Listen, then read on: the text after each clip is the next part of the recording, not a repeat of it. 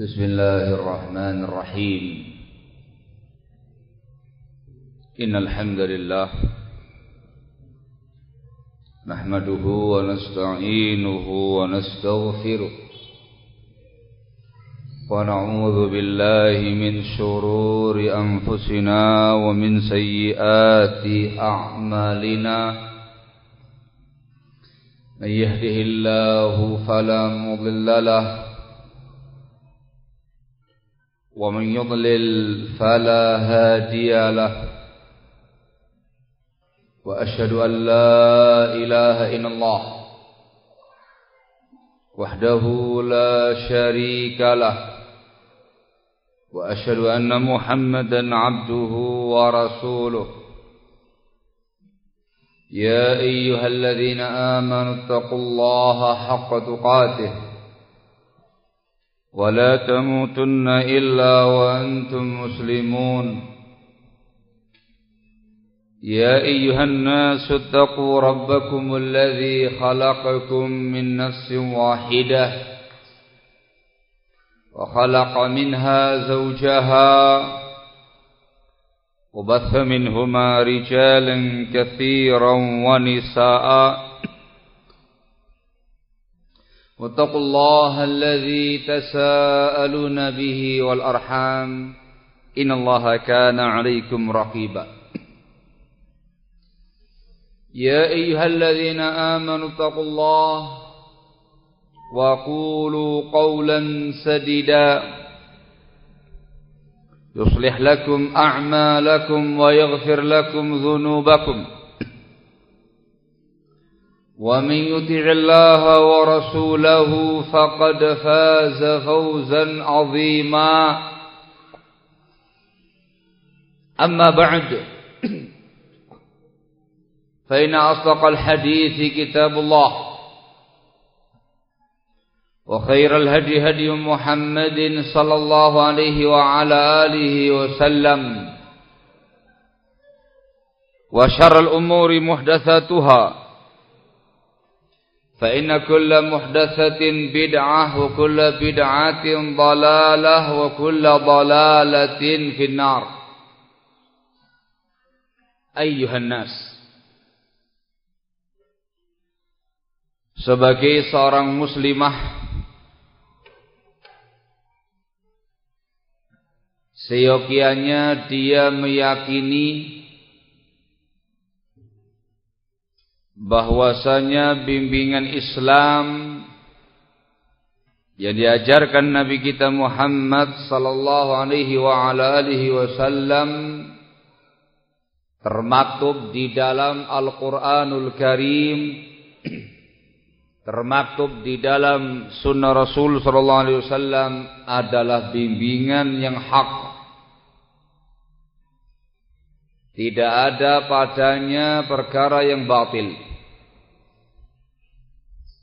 dia harus meyakini bimbingan itu bimbingan yang adil. Tidak ada padanya kezaliman kepada siapa pun.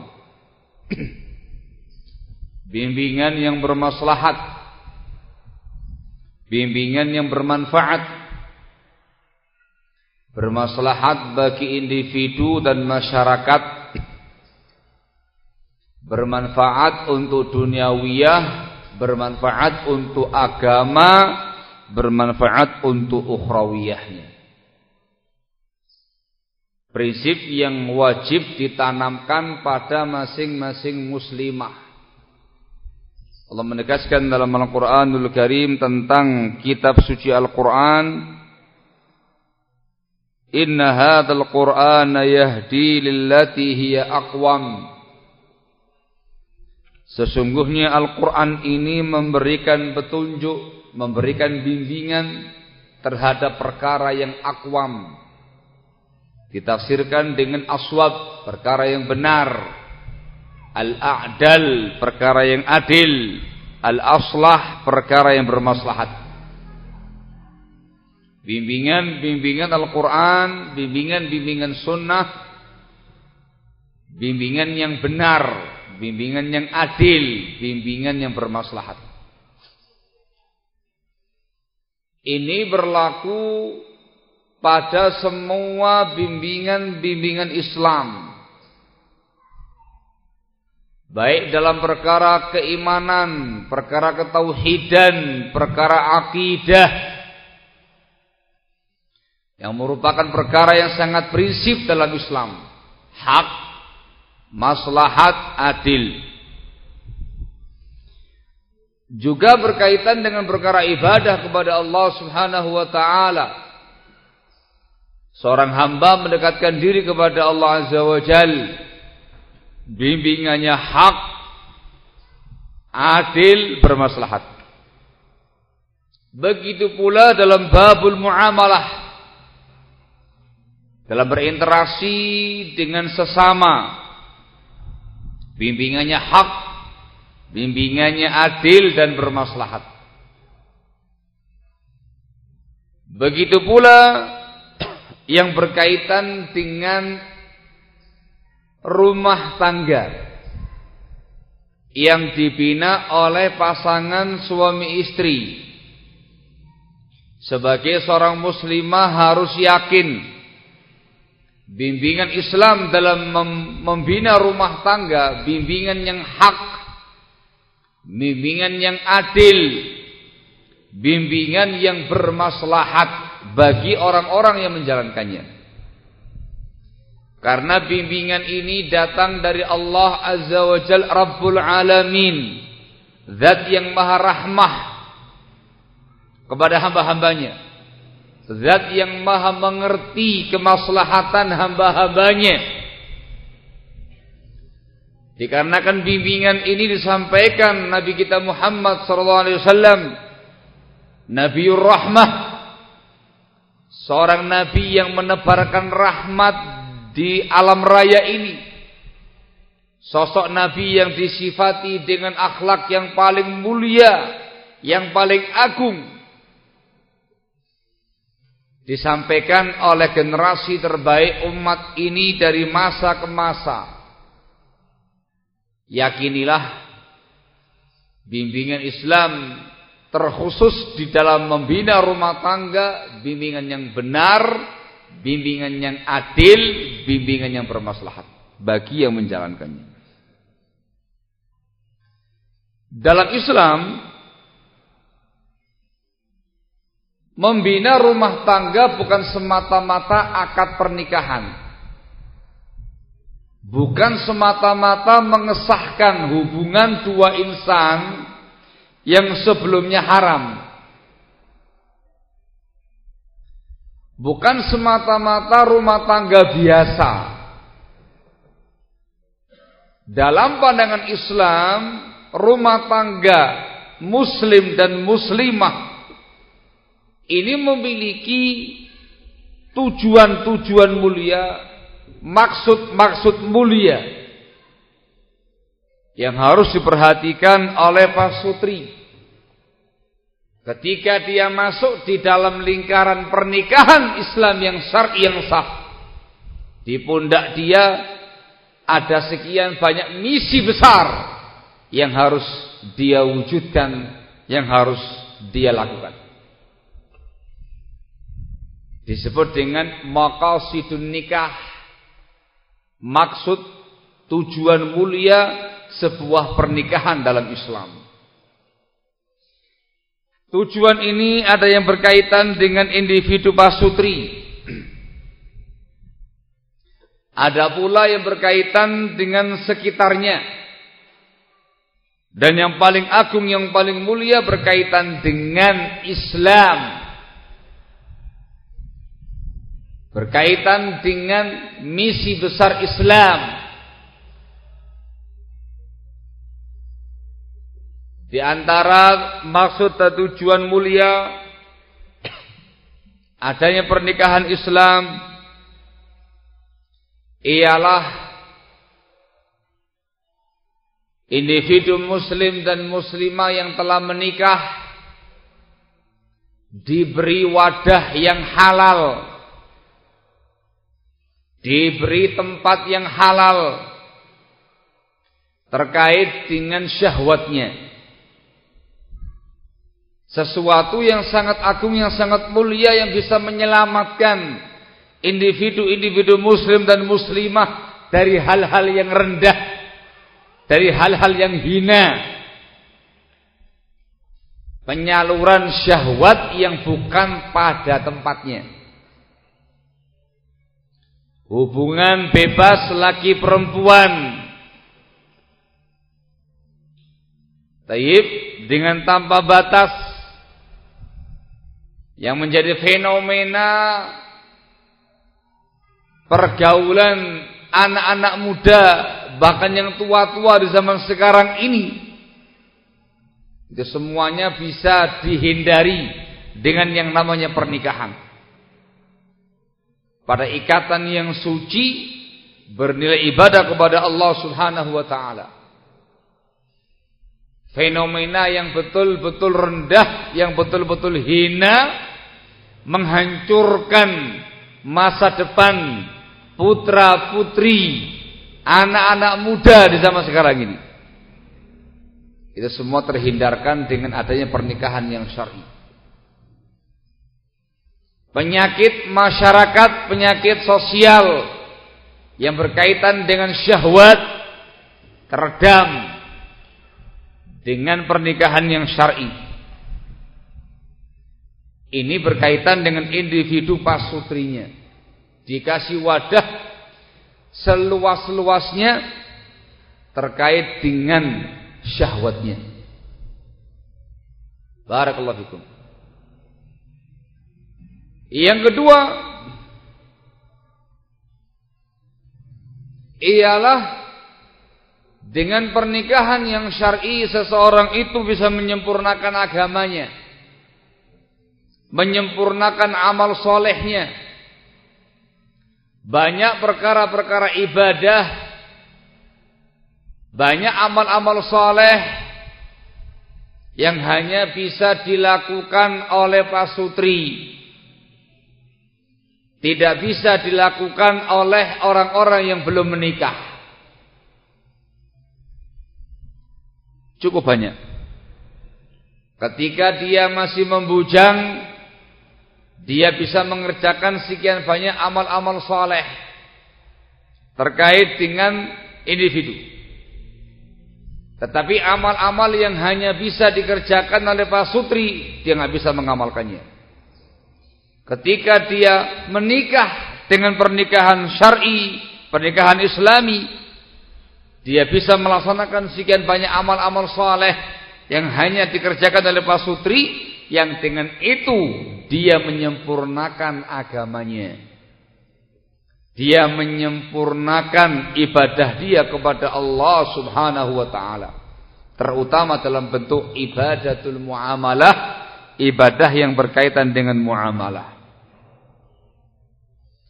Dalam pandangan Islam, apa pun yang dilakukan oleh pasutri dalam perkara yang mubah, apalagi perkara yang syar'i, itu dinilai ibadah kepada Allah Azza wa Jal. Ketika anda jomblo membujang bermain-main dengan perkara yang mubah hanya mubah saja. Tapi ketika anda menikah dan punya pasangan anda bermain-main dengan perkara yang mubah dengan keluarga anda itu nilainya ibadah kepada Allah Azza wa Jalla. Ketika anda jumlah bisa jadi itu perkara yang sia-sia. Melalaikan dari zikir kepada Allah Azza wa Jalla. Tapi ketika bersama dengan keluarga, ibadah kepada Allah Subhanahu wa taala. Difahami insyaallah ya. Ba'dal isya sebagai contoh. Kamu masih jomblo, masih membujang. Berbincang-bincang dengan teman-teman kamu dalam perkara-perkara yang mubah dan segala macamnya, makruh. Tapi ketika engkau berbincang-bincang, bersenda gurau dengan istri kamu, dengan pasangan kamu, ibadah. Sesuatu yang hanya bisa dilakukan oleh pasutri. Barakallahu fikum. Ini tujuan yang sangat mulia yang harus ditanamkan pada jiwa masing-masing pasutri. Dengan pernikahan itu dia akan menyempurnakan agamanya. Banyak amal-amal soleh, amal ketaatan kepada Allah yang bisa sempurna hanya dengan pasangannya. Barakallahu itu. Bahkan pasutri ini bisa mendapatkan kesempurnaan iman bisa mendapatkan gelar khairiyah muslim muslimah yang terbaik hanya dengan pasangannya. Ketika dia menjadi pasangan yang terbaik untuk pasangannya. Orang yang terbaik untuk pasangannya. Ketika dia menjadi orang yang paling berakhlakul karimah kepada pasangannya. Semakin sempurna keimanan dia. Disebutkan dalam hadis riwayat An-Nasa'i dan juga At-Tirmidzi dan At-Tirmidzi mengatakan hasan sahih dari Abu Hurairah radhiyallahu taala anhu kata Rasulullah sallallahu alaihi wasallam akmalul mu'minina imanan ahsanuhum khuluqa wa altafuhum bi ahlih Mukminin yang paling sempurna keimanannya, yang paling bagus akhlaknya, dan yang paling lembut kepada keluarganya. Mendapatkan iman yang paling sempurna hanya dengan pasangannya.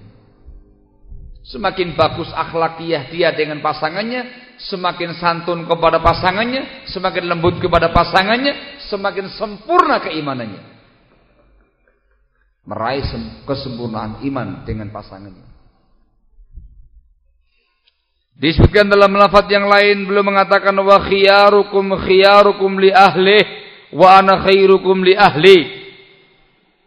Dan khiyarukum yang terbaik di kalangan kalian ialah yang terbaik di kalangan kalian kepada keluarganya.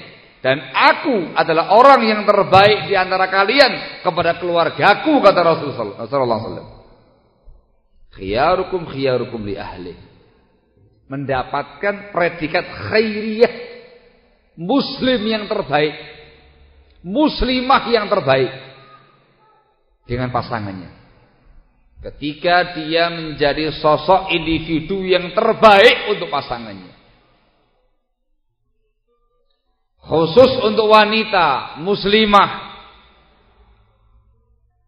Mereka mendapatkan gelar khairun nisa. Sebagai wanita yang terbaik dalam pandangan Islam. Wanita yang terbaik di sisi Allah Azza wa Jal. Ketika itu lakukan dengan pasangannya. Hanya dengan pasangannya. Rasulullah sallallahu alaihi wa alihi wasallam ditanya oleh sebagian sahabatnya ya Rasulullah, "Man khairun nisa?"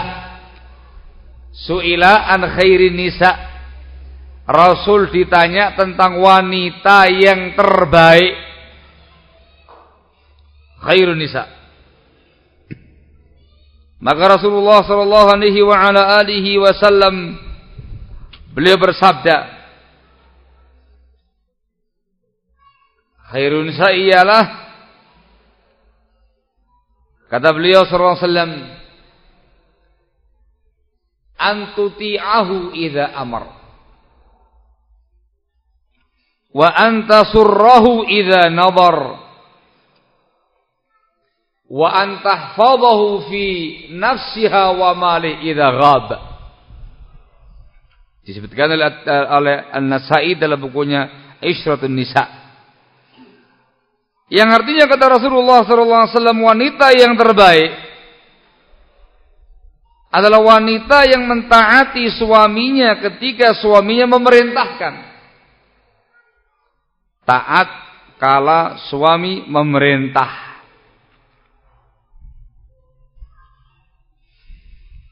Wa anta surrahu idza nadar. Dan wanita yang betul-betul menyenangkan hati suami, menyenangkan pandangan suami ketika suaminya memandang. sedap mata memandang.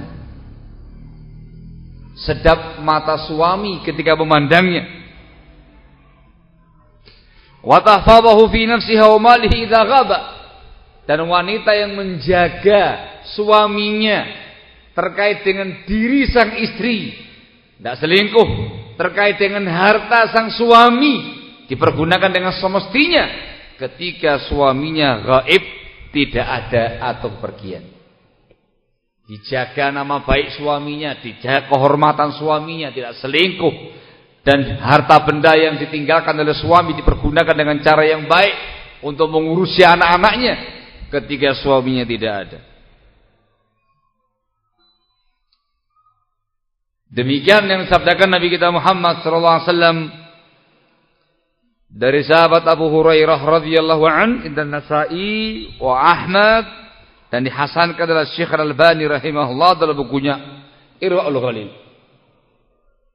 Semuanya itu hanya dengan pasangannya. Mendapatkan gelar khairun nisa. Khairun nisa. Bahkan seorang wanita bisa meraih surganya Allah Azza wa Jal mendapatkan jaminan jannah surga diberitakan Nabi kita Muhammad wasallam itu pun hanya dengan pasangannya ketika dia membuat pasangannya itu tersenyum membuat pasangannya senang membuat pasangannya ridha dalam perkara yang syar'i dalam perkara yang mubah Pasangan hidupnya dibikin nyaman, dibikin tentram, dibikin bahagia, dibikin senang, dibikin ridho. Ketika dia mati, surga tempatnya. Dari Ummu Salamah radhiyallahu anha beliau berkata, kata Rasulullah sallallahu alaihi wa alihi wasallam beliau bersabda, "Ayyuma imra'atin matat wa zawjuha anha radin" dakhalatil jannah. Wanita mana pun yang wafat yang mati dalam kondisi suaminya ridho kepadanya, ridho kepada dia, dakhalatil jannah. Maka perempuan itu masuk dalam surga. Rawahu Tirmidzi dan beliau mengatakan hadithun hasan meraih surga dengan pasangannya. Ini merupakan maksud dan tujuan yang sangat mulia dalam Islam terkait dengan rumah tangga. Bukan semata-mata akad pernikahan. Bukan semata-mata rumah tangga biasa. Tetapi rumah tangga dalam Islam memiliki tujuan yang sangat mulia yang saya sebutkan tadi baru berkaitan dengan individu pasutrinya. Menyempurnakan agamanya, mendapatkan keimanan yang lebih sempurna dengan pasangannya, mendapatkan predikat laki-laki yang terbaik, wanita yang terbaik dalam pandangan Islam dengan pasangannya, bahkan meraih surga dengan pasangannya. Itu Islam. Itu pernikahan dalam Islam. Adapun tujuan yang sangat mulia terkait dengan pernikahan ini berkaitan dengan masyarakat luas, luar biasa. Rumah tangga Islam itu dipersiapkan. Dipersiapkan untuk membentuk masyarakat Islami. Masyarakat yang soleh, masyarakat yang bertakwa, masyarakat yang beriman, dengan rumah tangga rumah tangga yang sakinah mawaddah warahmah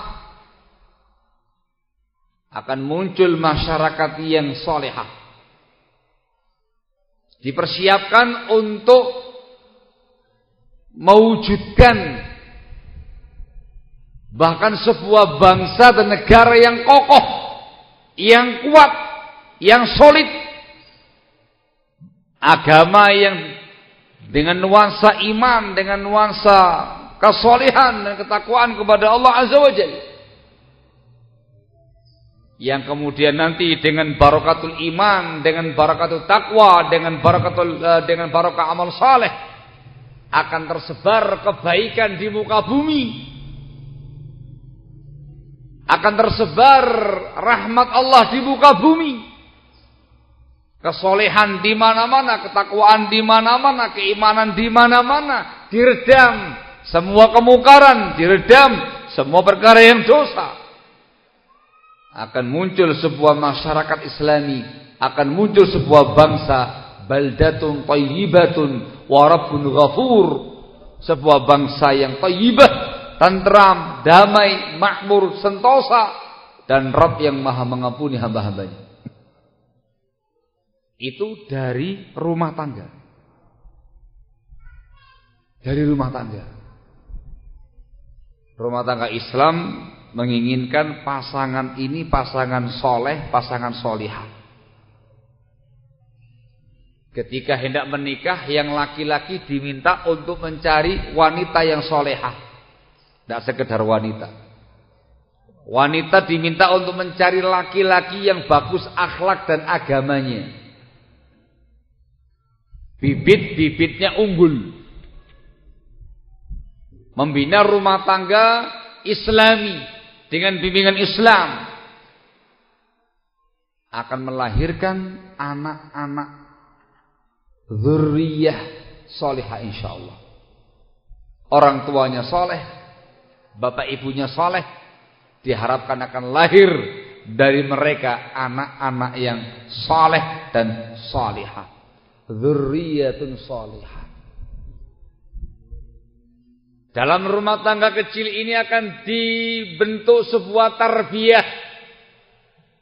Anak-anak dididik dengan tarbiyah Islamiyah yang sahihah yang benar. Ditangani oleh orang-orang tua yang berbobot keimanannya, akidahnya, kesolehannya, ketakwaannya kepada Allah Azza wa Jalla.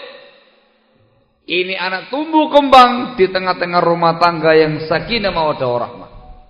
Dengan tarbiyah Islamiyah yang mulia. Tumbuh kembang.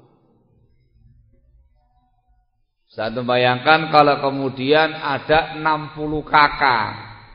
Di mana itu? 60 kakak ada di mana ini? Nah, tempatnya antum ini 60 kakak. Ya, betul ya? 60 kakak ya? Hah?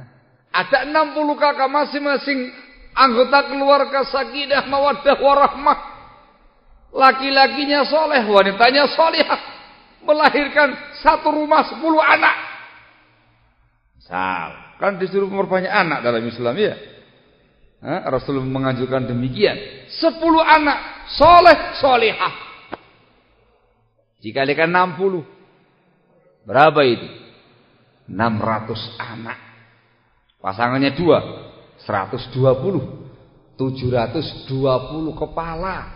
Soleh, soleh. Itu tidak main-main.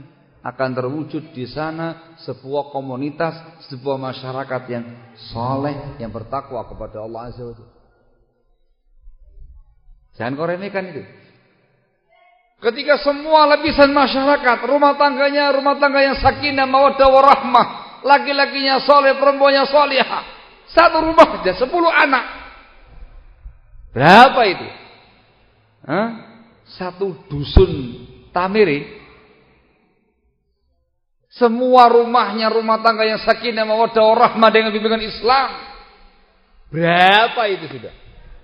Muncul sebuah masyarakat yang islami, yang saleh, yang bertakwa kepada Allah Azza wa Jalla. Terus merambat sampai satu kecamatan, satu kabupaten, satu provinsi, satu bangsa, satu negara. Masyarakatnya, individu masyarakatnya, soleh dan solehah. Muncul dari rumah tangga yang solehah tadi itu. Akan muncul sebuah bangsa yang soleh, yang bertakwa kepada Allah Azza wa Jal. Dan itu terjadi di masa Nabi kita Muhammad Sallallahu Alaihi Wasallam dengan masyarakat beliau para sahabat radhiyallahu taala. Mereka istri-istri mereka, anak-anak mereka. Maka semua kebaikan turun, rahmat Allah turun, keutamaan dari Allah turun. Bumi dipenuhi dengan kebaikan, dengan keadilan, dengan kesolehan. Barakallahu fikum. Masyarakatnya baik. Yang namanya kemaksiatan, kemungkaran, penyimpangan, kesyirikan, kekufuran diredam. Diminimalisir, bahkan dihilangkan. Semua kalimat hanya kalimat Allah Azza wa Jalla litakuna kalimatullahi al ulia. Luar biasa. Efek ke depannya nanti antum lihat bagaimana dahulu kala Nabi kita Muhammad wasallam dengan para sahabatnya, generasi terbaik umat ini, sosok masyarakat yang islami bisa menguasai dunia. Bisa menguasai dunia. Bisa menyebarkan Islam ke seantero dunia. Ekonomi tidak seberapa di zaman dahulu. Bukan ekonomi, tapi kekuatan iman dan takwa dalam hati Pakaian biasa ketika itu, compang camping. Ekonominya tidak seberapa. Persenjataan biasa saja. Tapi iman yang membaca, ketakwaan yang yang kuat. Individu yang saleh dan salihah. Kekuatan semuanya runtuh di depan Islam. Persia, Romawi, Yunani semuanya bertepuk lutut dalam di, di, di hadapan Islam dan kaum muslimin. Tersebar di kebaikan di mana-mana. Camkan baik-baik. Itu semuanya dimulai dari rumah tangga kecil, pasutri, yang soleh, yang soleha, dengan anak-anaknya, soleh dan soleha. Barakallahu fikum. Kata para ulama, islahul fardi, islahul usrah. Kesolehan individu akan membuahkan kesolehan sebuah rumah tangga. Karena semuanya soleh. Islahul usrah, islahul qaryah. Keluarga rumah tangga yang solehah membuahkan desa yang solehah. Betul ya? Islahul qaryah, islahul muhafazah. Desa yang solehah akan membuahkan kecamatan, kabupaten, ha? yang solehah juga. Islahul muhafazah, islahul mujtama. Kabupaten yang solehah memunculkan masyarakat luas yang solehah. Islahul mujtama, islahul bilad. Masyarakat yang solehah membuahkan sebuah bangsa yang solehah. Islahul bilad, islahu man fil ardi jami'ah. Solehnya sebuah bangsa, sebuah negara akan menghasilkan kesolehan semua yang ada di muka bumi. Barakallahu itu. Dimulai dari apa itu? Individu Anda sebagai seorang muslim. Laki ataukah wanita. Individu ini kemudian membina rumah tangga muslim dan muslimah, soleh dan solehah rumah tangga yang sakinah mawaddah warahmah dengan bimbingan Islam terus membesar ada anak-anaknya terus membesar terkait dengan familinya terus tetangganya terus yang lainnya terus membesar sampai skala bangsa dan negara. Itu yang diinginkan dalam Islam terkait dengan sebuah pernikahan. Sesuatu yang harus dicamkan baik-baik oleh muslim dan muslimah. Tatkala kamu tuh menikah wahai muslim wahai muslimah, jangan kamu bayangkan cuma sekedar kobil tuh nikah haha sah. Nah semata-mata kamu sama istri terlalu kecil skalanya itu. Jangan memandang ke masyarakat individu kamu. Ya, itu diperhatikan dalam Islam.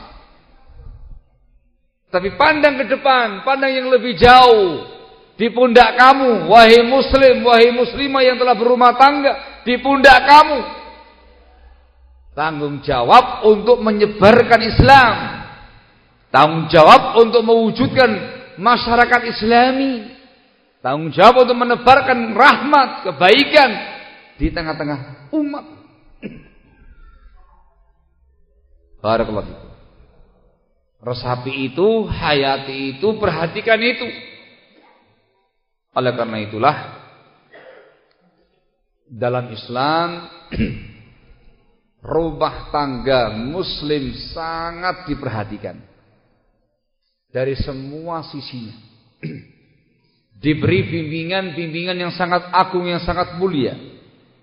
Supaya mereka ini menjadi sosok mulia, sosok yang agung siap untuk mewujudkan kemuliaan, keagungan di tengah-tengah keluarganya dan masyarakat. Bukan semata-mata berumah tangga. Dalam Islam masing-masing rumah tangga kita dituntut untuk rumah tangga yang sakinah, mawaddah, warahmah. Rumah tangga yang sakinah menenteramkan, mawaddah penuh dengan cinta, warahmah dengan kasih sayang. Kan begitu ya? Bukan semata-mata kobil itu nikah terus gelut. Tahu gelut ya? Hah? Perang terus. Piring terbang ke mana-mana. Lah. Kobil itu nikah tanggung jawab di pundak sampean. Di pundak anda. Mewujudkan rumah tangga yang sakinah mawaddah warahmah. Ayatnya antum semuanya hafal. Allah mengatakan dalam firman-Nya dalam surat Ar-Rum ayat yang ke-21 Allah menyatakan dalam firman-Nya wa min ayatihi an khalaqalakum min anfusikum azwaja litaskunu ilaiha wa ja'ala bainakum mawaddatan wa rahmah inna fi dzalika laayatin liqaumin tafakkarun. Bayangkan rumah tangga muslim itu termasuk tanda-tanda kekuasaan Allah Azza wa Jalla. Tidak sembarangan. Dan itu hanya ada pada rumah tangga muslim tidak berlaku bagi rumah tangga yang non muslim. Wa min ayatihi dan termasuk tanda-tanda kekuasaan Allah Azza wa Jalla. An khalaqalakum min anfusikum azwaja. Allah menciptakan untuk kalian dari diri kalian sendiri azwaja, pasangan-pasangan. Litaskunu ilaiha supaya kalian wahai kaum laki-laki merasakan ketentraman, kedamaian dengan pasangan kamu tadi. Sakinah. Wa ja'ala bainakum mawaddatan wa rahmah dan menjadikan di antara kalian rasa cinta, rasa rahmah. Inna fi dzalika la ayatin liqaumin yatafakkarun. Sesungguhnya pada pernikahan itu ada tanda-tanda kekuasaan Allah bagi kaum yang mau berpikir. Misi besar. Bukan semata-mata menikah, misi besar. Ini ayat bukan semata-mata berita, tapi perintah. Masing-masing yang berumah tangga dituntut untuk berumah tangga dengan sakinah, mawaddah, warahmah. Harus rumah tangga yang damai. Rumah tangga yang tentram. rumah tangga yang bahagia. Rumah tangga yang diliputi rasa cinta.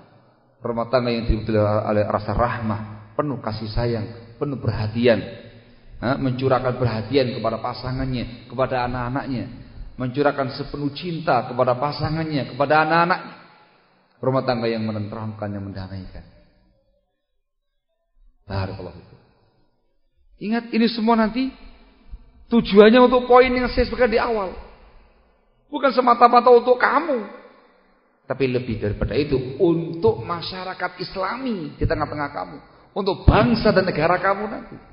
Sumbangsih engkau, sumbangsih, sumbangsih kamu untuk kebaikan masyarakatmu, sumbangsih kamu untuk perbaikan bangsa dan negara kamu. Dengan engkau membina rumah tangga kamu dengan rumah tangga yang warahmah. Kamunya bahagia dan membahagiakan orang lain.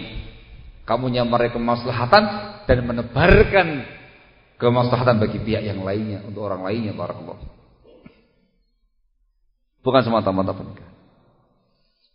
Dari sini khonamtina azakumullah wajib bagi muslim dan muslimah dalam berumah tangga memperhatikan bimbingan-bimbingan Islam dalam berumah tangga. Harus punya ilmunya. Harus mengkaji ilmunya. Harus mendalami, menghayati ilmunya. Dan wajib diterapkan dalam rumah tangganya. Hanya bimbingan Islam yang bisa mendatangkan sakinah mawaddah warahmah. Selain Islam tidak bakal bisa.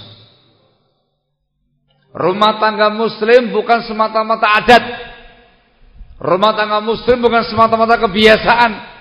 Rumah tangga muslim itu ibadah kepada Allah Azza wa Jalla dengan bimbingan syariat. Pada kesempatan pertama ini sebagai mukaddimah akan saya bawakan beberapa poin penting.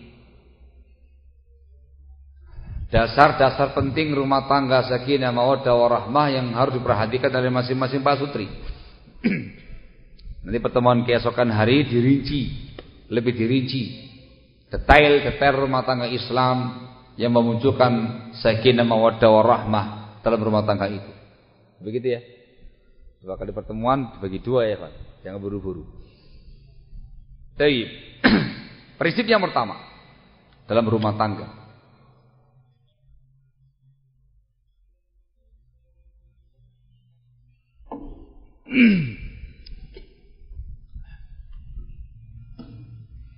Disebutkan dalam Al-Qur'anul Karim Di An-Nisa ayat yang ke-19.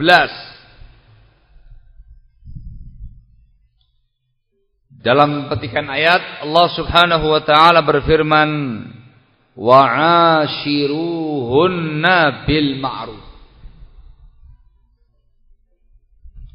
Dan hendaklah kalian membina rumah tangga dengan pasangan-pasangan kalian bil ma'ruf dengan cara yang ma'ruf, dengan cara yang baik.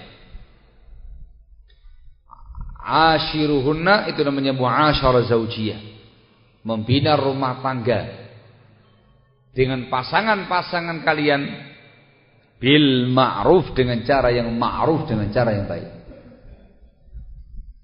Ini landasan rumah tangganya. Rumah tangga kalian itu harus rumah tangga yang ma'ruf rumah tangga yang baik, rumah tangga yang dilandasi dengan perkara yang ma'ruf, perkara yang baik, rumah tangga dengan nuansa ma'ruf, dengan nuansa kema'rufan perkara-perkara yang baik. Dan yang dimaukan dengan ma'ruf di sini ada dua makna.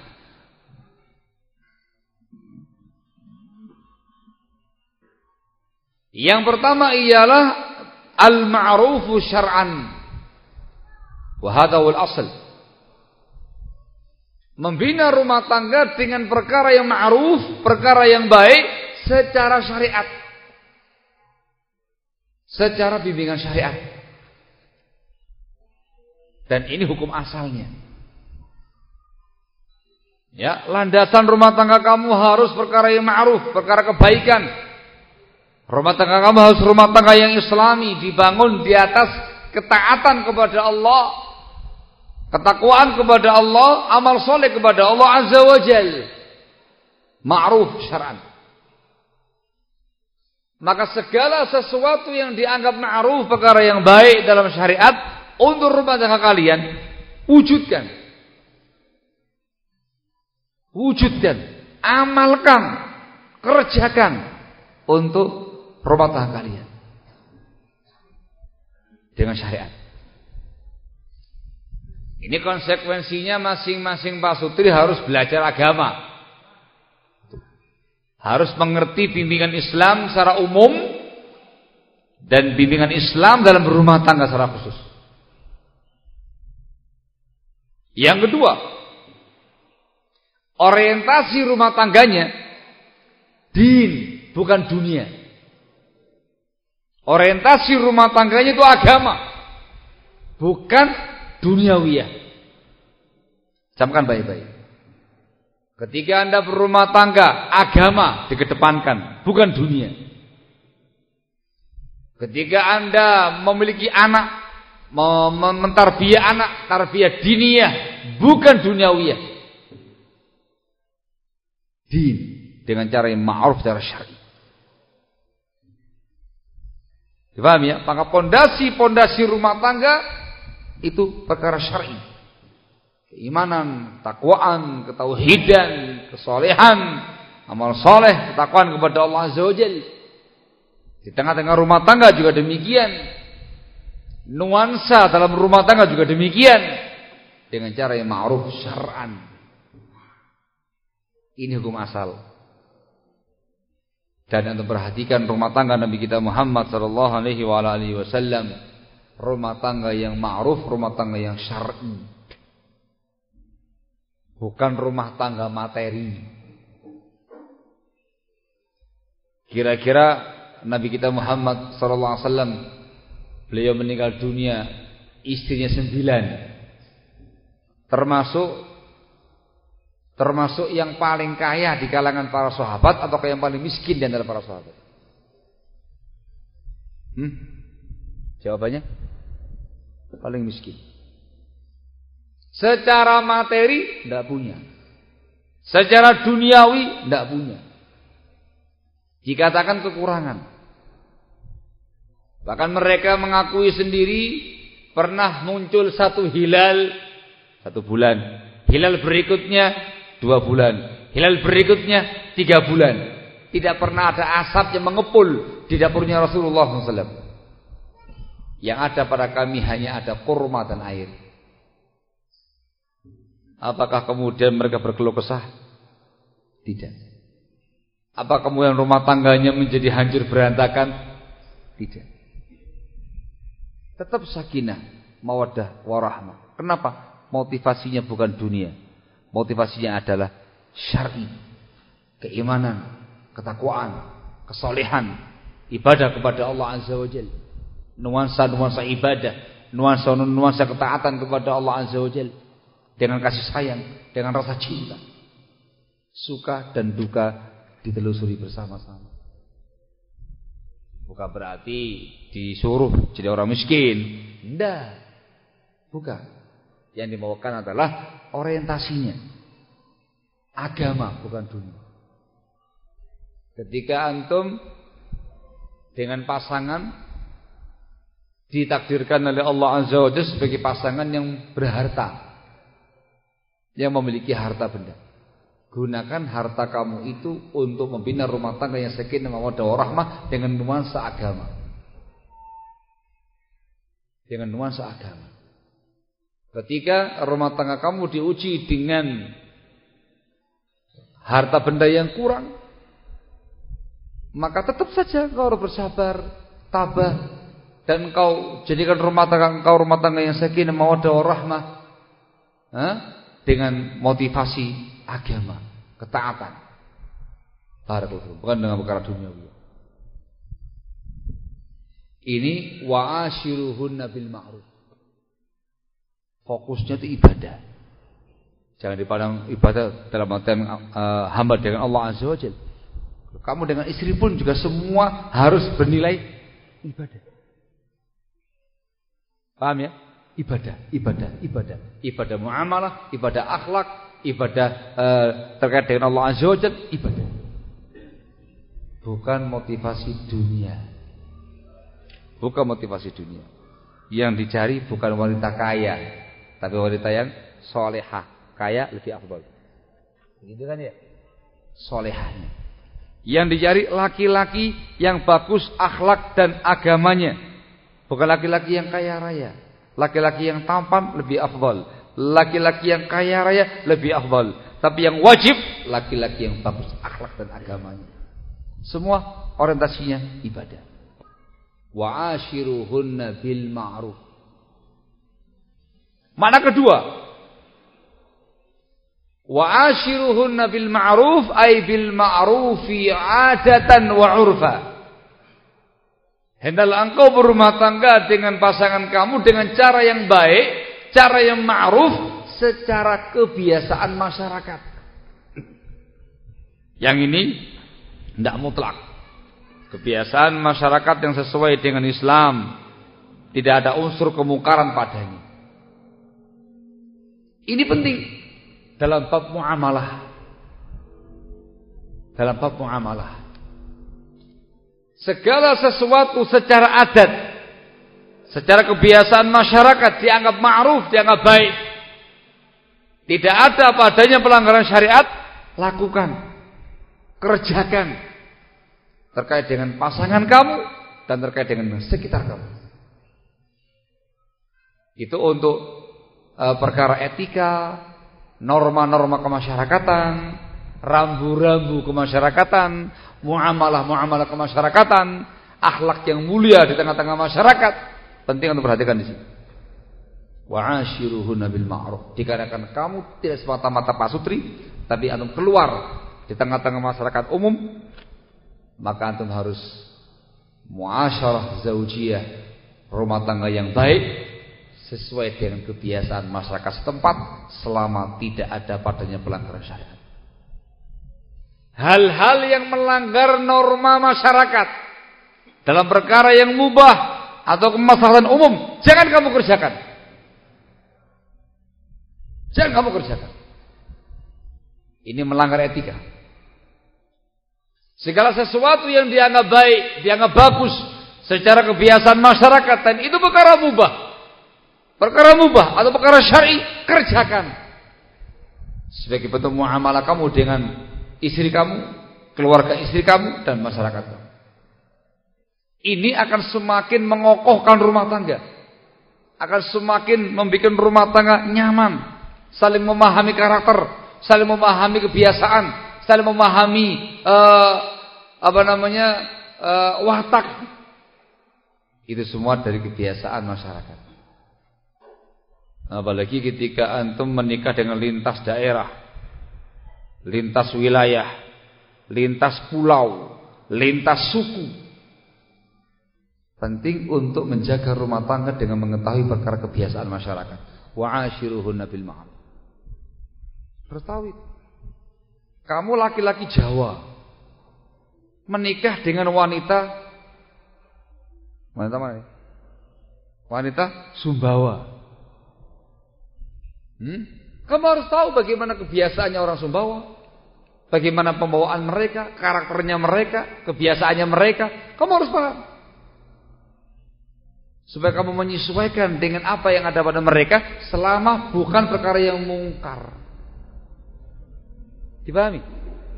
Itu melahirkan tafahum, saling memahami karakter antar pasutri. Akan melahirkan yang namanya ta'awun, akan bisa saling bantu membantu gotong royong di antara pasutri dengan baik. Antum tahu sela-sela mereka. Wanita yang dari Sumbawa nikah dengan laki-laki Jawa harus paham bagaimana kebiasaan orang Jawa. Bagaimana laki-laki Jawa supaya paham bagaimana karakternya, bagaimana pembawaannya dan segala macamnya untuk menjadi rumah tangga yang semakin kuat, semakin kokoh. Jangan diremehkan. Kemelut rumah tangga muncul terkadang dari yang satu ini. Hah? Dari yang satu ini barakallahu fikum. Dikarenakan tidak adanya tafahum. Tidak memahami kebiasaan, pembawaan, tabiat, karakter pasangannya dan keluarga pasangannya atau masyarakat pasangannya. Hati-hati. Hancur masalah kamu. Maka dikatakan wa'ashiruhunna bil ma'ruf syar'an wa'ashiruhunna bil ma'ruf adatan. Paham insyaallah ya? Nah, misal, saya sih nggak tahu bagaimana adatnya orang sini ya. Kurang banyak tahu, saya orang Jawa ini. Misal. Tapi keumuman orang Indonesia demikian ya, Mas. Tapi yang Jawa lebih kental. Tahu saya begitu ya. Hmm?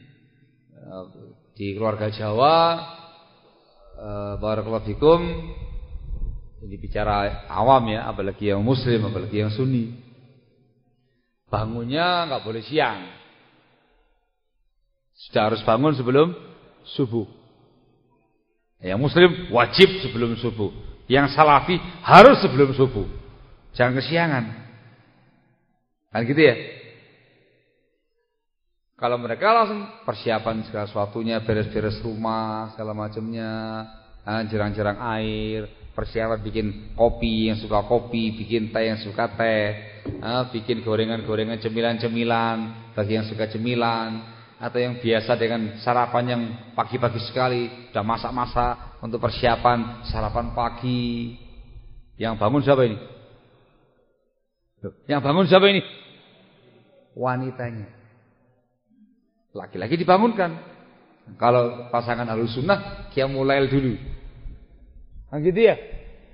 ya harus tahu ibadahnya ya. Ini bicara kebiasaannya orang-orang umum. Nah, subuh, subuhan semua. Terus beres-beres pekarangan rumah, nyapu-nyapu halaman dan segala macamnya, nyapu-nyapu rumah, bersih-bersih. Nah, selesai salat subuh yang laki-lakinya berjamaah. Barakallahu fikum, katanya jalan-jalan sebentar, olahraga.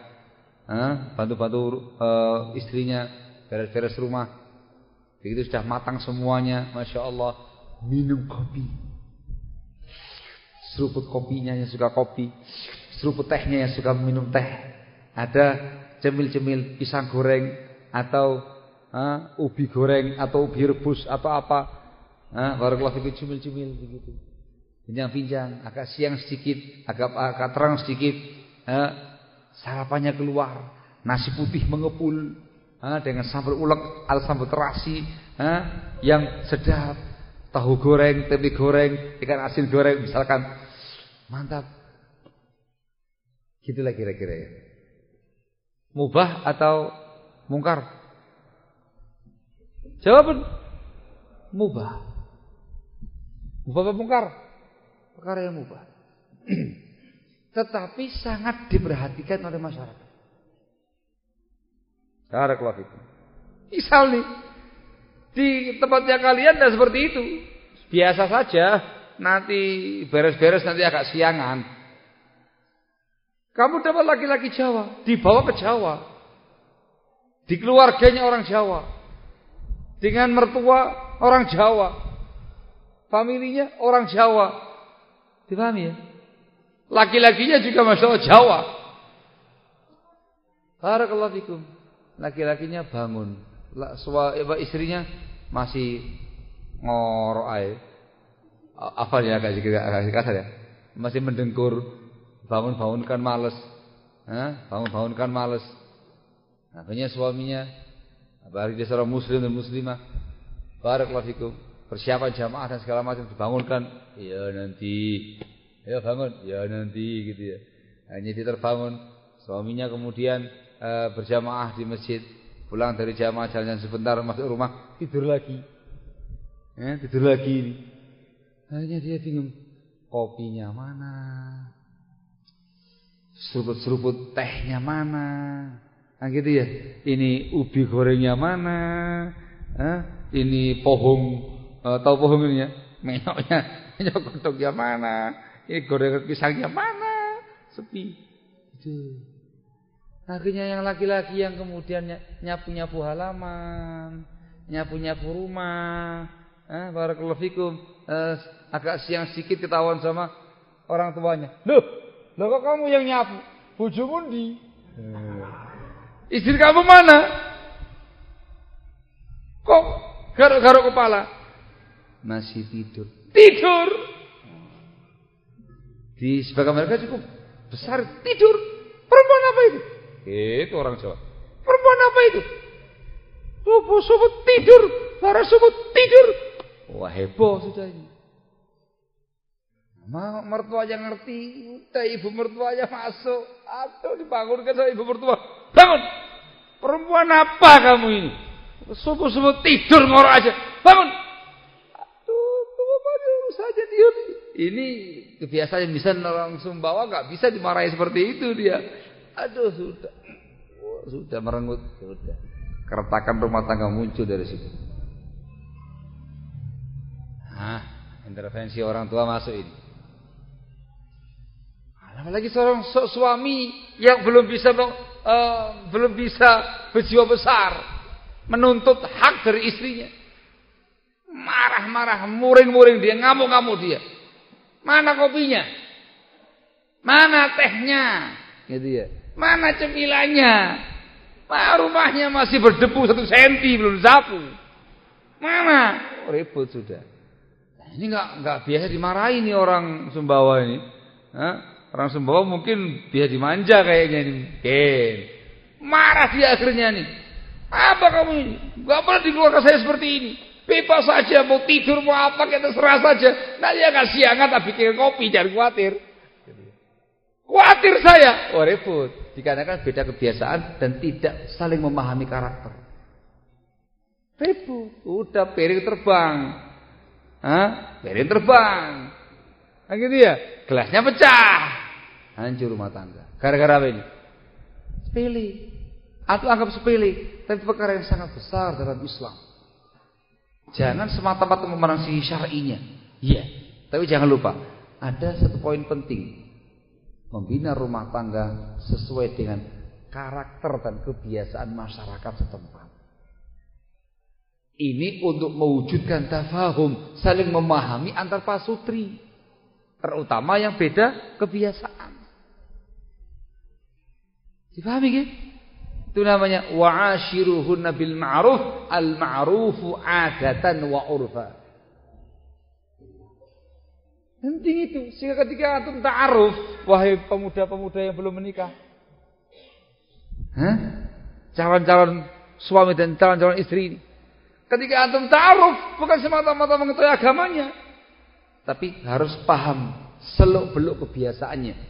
Bagaimana kebiasaannya, bagaimana karakternya, bagaimana pembawaannya, bagaimana orang tuanya. Harus paham. Sehingga antum bisa menyesuaikan kondisi di tengah-tengah mereka memunculkan etika yang baik, muamalah yang bagus, memunculkan nilai-nilai norma-norma kemasyarakatan yang bagus, membawa akhlak yang mulia di situ. Selama bukan perkara yang melanggar syariat. Ya semua itu disatukan dengan Islam. Tapi ada kalanya babnya mubah beda kebiasaan. Disatukan dengan cara memahami karakter. Wa ashiruhuna bil ma'ruf penting secara syar'i dan secara karakter. Ini landasan rumah tangga. Wa ashiruhunna bil ma'ruf. Ya, kalau rumah tangganya salafiyin insyaallah lebih tahan bantingan, insyaallah lebih dewasa. Insya Allah Walaupun ada sebagian mereka yang kerdil Kekanak-kanakan Ada perkara-perkara yang sifatnya kebiasaan Ribut. Ada. Tapi kalau memandang rumah tangga Secara umum di tengah-tengah masyarakatnya Antum Hal yang seperti ini Ruwet. Di tengah-tengah mereka Yang namanya angka perceraian Sangat besar Dan ketika diteliti, ditelusuri asbab mereka bercerai semuanya kebanyakannya sepele. Nikahnya banyak uangnya yang dikeluarkan, us macam-macam harus begini, begini, begini, persiapannya banyak. Bubar dengan satu poin saja. Apa itu? Sudah tidak ada kecocokan. Kita nggak bicara salafiyin ya, kita bicara secara umum. Kok cerai? Kok gampang sekali cerai? Wah caranya begitu menghebohkan dusunnya. Tidak tahan sekian tahun. Cerai. Sudah tidak ada kecocokan. Barakallah itu. Satu sisi agamanya kurang. Sisi yang kedua tidak memahami karakter pasangannya masing-masing. Dipahami? Tidak memahami karakter pasangannya masing-masing. Masya Allah diuji dengan wanita temperamental. Ada gak begitu? Ada apa ada? Uh, ngomongnya tajam, tajam, ngomongnya tajam. Terus temperamental dan segala macamnya. Ya jadi istri kamu mau apa lagi? Ya kamu harus bisa uh, meredam amarahnya, bisa kamu poles-poles suaranya supaya semakin lama semakin santun gitu ya. Kamu mau nggak mau ya harus pahami karakter. Kalau tidak, sama kamu bilang sama perempuan tadi Cuma kamu saja yang bisa kayak burung begitu. Aku bisa kayak gagak. Bisa. Perkara paling gampang. Apa hanya kamu yang bisa marah-marah? Aku laki-laki bisa lagi marah lagi. Nah, kalau semuanya begitu caranya, hancur rumah tangga. Setahun, dua tahun bubar. Kenapa? Sudah tidak ada kecocokan. Penting disampaikan. Rumah tangga Islam bukan demikian.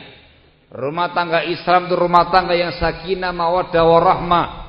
Maka diminta landasannya wa ashiruhunna bil ma'ruf. Adalah kamu berumah tangga dengan pasangan kamu dengan cara yang baik, dengan cara yang ma'ruf, dengan dua makna sekaligus. Baik secara syariat dan baik secara kebiasaan masyarakat. Selama tidak ada pada perkara yang mungkar. Semuanya harus di, harus di, harus, harus dipelajari dan dipersiapkan. Yang akan terwujud yang namanya sakinah mawaddah warahmah. Saling mengisi, yang kurang-kurang saling dilengkapi, saling pengertian. Itu penting rumah tangga yang seperti itu ya Pak. Memunculkan kedewasaan, jiwa besar, tafahum, ta'awun nanti, tasyawur yang baik antar pasukan. Barakallahu fikum dan semua dengan bimbingan Islam Cukup untuk hari ini. Karena jamnya semakin sore. Gitu ya, persiapan untuk eh, yang pada hari. Semoga dipahami. Semoga yang sudah berumah tangga semakin memahami tanggung jawab dia sebagai pasutri bukan semata-mata kemaslahatan pribadi dan anak-anak, tapi ingat rumah tangga kalian harus dipersiapkan untuk menebarkan kemaslahatan bagi umat dan bangsa kalian. Bagi yang masih bujangan-bujangan, saya nggak mengatakan jomblo ya jomblo itu pernah punya pasangan, nggak punya pasangan lagi atau nggak pernah punya pasangan sama sekali. Nah, antum masih bujang-bujang, yang laki yang perempuan, persiapkan segala sesuatu. Ketika masuk ke ranah pernikahan memiliki tujuan yang sangat besar, yang sangat mulia. Yang antum harus wujudkan dalam rumah tangga kalian. Landasan Islam dalam berumah tangga dipahami, diilmui, terapkan dalam rumah tangga kalian. Insyaallah sakinah mawaddah warahmah. Barakallahu Insya Allah besok akan teruskan kembali prinsip yang berikutnya sekaligus detail-detail dalam rumah tangga yang bisa mewujudkan sakinah mawaddah warahmah. Barakallahu Nah, kalau sekarang agak sedikit lantang suaranya, nanti kalau besok uh, agak sedikit uh, meresapi kehidupan. Nah, bagaimana sakinahnya, bagaimana mawaddahnya, bagaimana rahmahnya. Detail-detail yang ada Barakallahu Insyaallah akan disampaikan pada kesempatan berikutnya. Sementara cukup naktafi lahunna subhanaka wa bihamdik asyhadu an la ilaha illa anta astaghfiruka wa atubu ilaik. Walhamdulillahirabbil alamin. Bismillahirrahmanirrahim. Alhamdulillah Wassalatu wassalamu ala rasulillah وعلى آله وصحبه ومواله أما بعد pada kesempatan sore hari ini kita akan melanjutkan pembahasan kita tentang indahnya rumah tangga dengan bimbingan sunnah. Terakhir yang kita bahas adalah bimbingan-bimbingan umum, bimbingan Islam secara umum kepada para sutri di dalam berumah tangga. Yaitu al-muasyarah az-zawjiyah bil ma'ruf. Berumah tangga dengan baik, dengan ma'ruf. Ma'ruf secara syariat dan ma'ruf secara kebiasaan masyarakat selama tidak ada padanya pelanggaran syariat.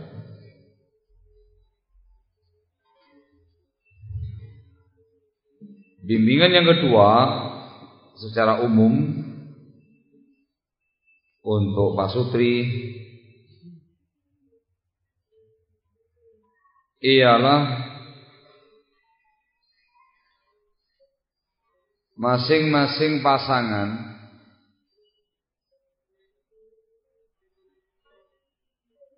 Bermuamalah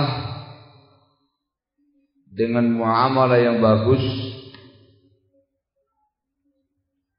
Dengan akhlak yang mulia. Suami bermuamalah dengan istrinya dengan akhlakul karimah. Istri bermuamalah dengan suaminya dengan akhlakul karimah. Yang terbaik di antara mereka yang terbaik kepada keluarganya. Memberikan yang terbaik untuk keluarga. Disebutkan dalam hadis riwayat Tirmizi dan beliau mengatakan hadithun hasan sahih dari Abu Hurairah radhiyallahu taala anhu. Rasulullah sallallahu alaihi wa ala alihi wasallam akmalul mu'minina imanan ahsanuhum khuluqan wa khiyarukum khiyarukum linisaihim mukminin yang paling sempurna keimanannya adalah yang paling bagus akhlaknya. Dan yang terbaik di antara kalian ialah yang terbaik di antara kalian kepada keluarganya. Disebutkan lafaz yang lain idan nasai fi isratin nisa dengan lafaz akmalul mu'minina imanan ahsanuhum khuluqa wa altafuhum bi ahlih. Mukmin yang paling sempurna imannya adalah yang paling bagus akhlaknya dan yang paling lembut kepada keluarganya. Di sini ada tiga poin. Yang pertama, husnul khuluq. Akhlak mulia. Yang kedua, al-lutfu bil ahl. Sikap lembut kepada keluarga. Yang ketiga adalah menjadi yang terbaik dalam rumah tangga. Wa khiyarukum khiyarukum min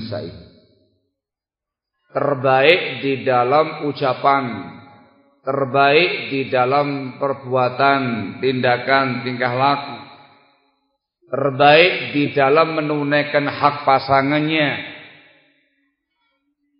Terbaik dalam mengkhidmat pasangannya.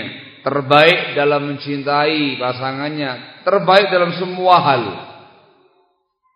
Perkara-perkara rumah tangga. Tiga poin disebutkan dalam riwayat ini tadi. Maka pasutri masing-masing Pasangan suami istri harus memberikan tiga poin ini kepada pasangannya. Suami harus memiliki akhlak yang mulia kepada keluarganya. Suami harus lembut, lutf kepada keluarganya. Suami harus menjadi laki-laki yang terbaik, suami yang terbaik bagi keluarganya. Wanita juga demikian, harus memiliki akhlak yang mulia kepada suaminya. Istri harus memiliki sikap yang lembut, sikap yang santun kepada suaminya. Istri harus menjadi pasangan yang terbaik, istri yang terbaik bagi suaminya. Ini semua dengan kadar kemampuan masing-masing. Barakallahu Ketika prinsip-prinsip ini dilakukan Satu sama lain berusaha menjadi pasangan yang terbaik. Satu sama lain berusaha menjadi pasangan yang paling lembut Yang paling santun kepada keluarganya. Satu sama lain berusaha memberikan akhlak yang mulia kepada pasangannya. Insya Allah akan tercapai rumah tangga yang indah Rumah tangga yang sakinah mawaddah warahmah. Ketentraman, sakinah, rasa cinta, mawaddah, kasih sayang, rahmah akan tersebar di tengah-tengah anggota keluarga. Saling mencintai, saling menyayangi, saling membantu, bersinergi. Indah dikarenakan masing-masing memiliki konsep dan prinsip yang sama. Bimbingan yang berikutnya disebutkan dalam Al-Qur'anul Karim di Al-Baqarah ayat yang ke 228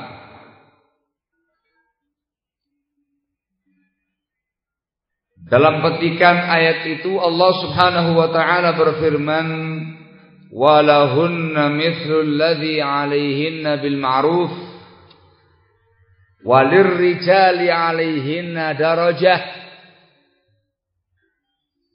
walahunna dan bagi para istri mereka memiliki hak Mithlul ladzi 'alaihinna seperti kewajiban yang dibebankan kepada mereka bil ma'ruf semua dengan cara yang ma'ruf dengan cara yang baik. Walir rijali 'alaihinna darajat dan bagi kaum laki-laki mereka mendapatkan hak satu tingkatan di atas kaum wanita. Ayat ini menjelaskan tentang dua hal Yang pertama dalam rumah tangga ada hak, ada kewajiban. Suami memiliki hak, punya kewajiban. Istri punya hak, punya kewajiban. Dan masing-masing diminta untuk menunaikan hak pasangannya. Menunaikan kewajiban dia sebagai pasangan rumah tangga. Ini walahunna mithlu alladhi 'alaihinna bil ma'ruf. Barakallahu fikum. Istri memiliki sekian banyak hak wajib atas sang suami untuk menunaikannya. Yang pertama, istri mendapatkan hakun nafkah hak nafkah. Wajib bagi seorang laki-laki dalam rumah tangga untuk menafkahi istrinya. Menafkahi anak istrinya. Dengan apa yang dia mampu, yang dia sanggup. Kalau dia memiliki harta yang berlebih, maka nafkah istri itu standarnya masyarakat pertengahan tempat dia tinggal. Suami yang baik adalah suami yang memberikan perkara yang lebih kepada istrinya selagi dia mampu.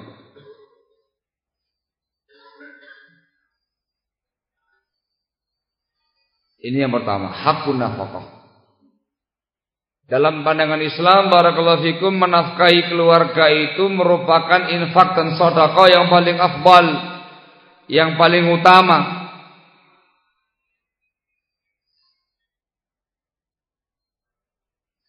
Disebutkan dalam Sahih Muslim dari Thauban radhiyallahu taala anhu Kata Rasulullah sallallahu alaihi wasallam, "Afdalu dinarin yunfiquhu ar-rajul dinarun yunfiquhu ala iyalihi wa dinarun yunfiquhu ar-rajulu ala dabatihi fi sabilillah wa dinarun yunfiquhu ala ashabihi fi sabilillah." Dinar uang harta yang paling afdal yang diinfakkan oleh seseorang ialah harta yang dia infakkan untuk keluarganya. Lalu dinar uang yang diinfakkan seseorang untuk kendaraannya dalam jihad fisabilillah Lalu dinar uang yang dia infakkan kepada teman-temannya yang berjihad di sabilillah. Bayangkan nafkah kamu kepada anak istri dinilai sebuah infak nafkah yang paling akbal mengalahkan nafkah yang kamu keluarkan untuk jihad di sabilillah. Mengalahkan nafakoh yang kamu keluarkan untuk teman-teman kamu Yang sedang berjihad Fisabilillah Padahal amalan jihad, amal yang paling tinggi, yang paling mulia dalam Islam. Lebih mulia menafkahi keluarga. Dalam Sahih Muslim dari sahabat Abu Hurairah radhiyallahu anhu, Rasulullah sallallahu alaihi wasallam beliau bersabda dinarun anfaqtahu fi sabilillah wa dinarun anfaqtahu fi raqabah wa dinarun tasaddaqta bihi ala miskin wa dinarun anfaqtahu ala ahlik a'zamuha ajran alladhi anfaqtahu ala ahlik Uang yang kamu infakkan untuk jihad fisabilillah. Uang yang kamu infakkan untuk membebaskan budak. Uang yang kamu sedekahkan untuk fakir miskin. Dan uang yang kamu infakkan untuk keluarga kamu yang paling besar pahalanya. Uang yang kamu infakkan untuk keluarga kamu. Amal mulia mengalahkan infak yang sedemikian rupa pahalanya itu maka wahai kaum laki-laki, wahai para suami, jadilah suami yang bertanggung jawab terkait dengan nafkah keluarga. Jangan kamu sia-siakan mereka. Nah, kamu kasih nafkah kepada mereka semampu kamu. Kalau kamu memiliki kemampuan yang lebih, berikan kepada mereka nafkah yang wajib. Dengan standar pertengahan masyarakat kamu tinggal, lebihkan. Itu laki-laki yang soleh. Termasuk tidak akan dosa dalam Islam Ketika seorang suami laki-laki menyia-nyiakan nafkah keluarga. Tidak memberikan nafkah keluarga. Dikatakan kafa bil mar'i ithman ayyudhi'a man yaqut. Cukuplah orang dikatakan berdosa ketika dia menyia-nyiakan nafkah orang yang dia tanggung kehidupannya. Intinya Istri punya hak pertama namanya hakun nafkah. Yang kedua, istri mendapatkan yang namanya hakur riayah. Hak untuk dijaga. Hak untuk diayomi. hak untuk diperhatikan, diurus.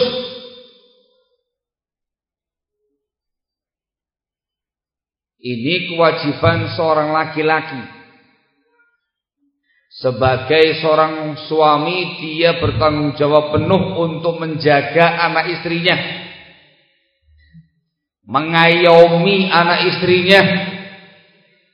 Mengurusi anak istrinya Nah menjadi ayah. Disebutkan dalam Bukhari Muslim dari sahabat Abdullah bin Umar radhiyallahu taala anhuma.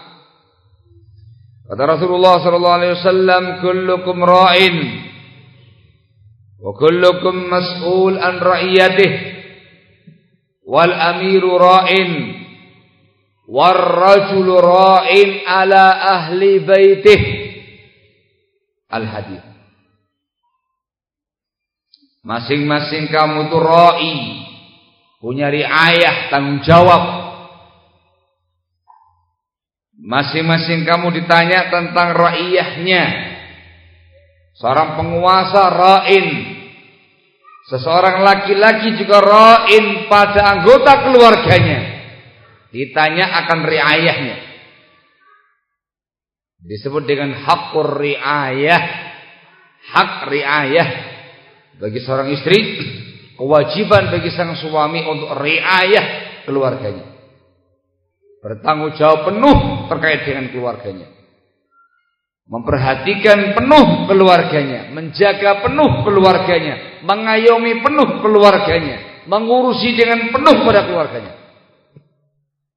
Ya, ya. Sehingga seorang wanita itu merasa nyaman merasakan ketenteraman dalam rumah tangga, dalam ayoman seorang laki-laki. Dia merasakan ketenangan di bawah tanggung jawab seorang laki-laki yang sangat memperhatikan mereka, yang sangat menjaga mereka, yang mengurusi mereka, yang mengayomi mereka. Hak ayah di pundak kalian wahai kaum wahai kaum laki-laki.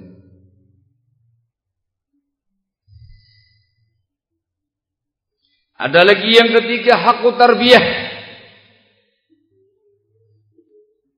Wanita juga mendapatkan hak tarbiyah. Dididik dengan tarbiyah Islam. Dengan tarbiyah diniyah. Ditarbiyah dengan kasih sayang. Ditarbiyah dengan kelembutan. Ditarbiyah dengan akhlak yang mulia hakut tarbiyah. Di pundak kaum laki-laki tarbiyah keluarganya. Allah mengatakan dalam firman-Nya, "Ya ayyuhalladzina amanu qu anfusakum wa ahlikum nara." Wahai orang-orang yang beriman, jagalah diri kalian dan anggota keluarga kalian dari api neraka. Tahrim yang keenam. Dalam tafsirnya dijelaskan menjaga diri, menjaga anggota keluarga itu dengan cara tarbiyah Islamiyah, tarbiyah diniyah. Diajarkan etika Islam, adab-adab Islam, diajarkan bimbingan-bimbingan Islam, akidah, ibadah, akhlak, muamalah, Targetnya selamat dari api neraka. Menjadi istri yang salihah, anak-anak yang saleh. Selamat dari nar api neraka. Di pundak kaum laki-laki ini. Hakku tarbiyah. Yang keempat ialah hakku syafaqati warahmah. Hak untuk mendapatkan kasih sayang mendapatkan sikap yang lembut,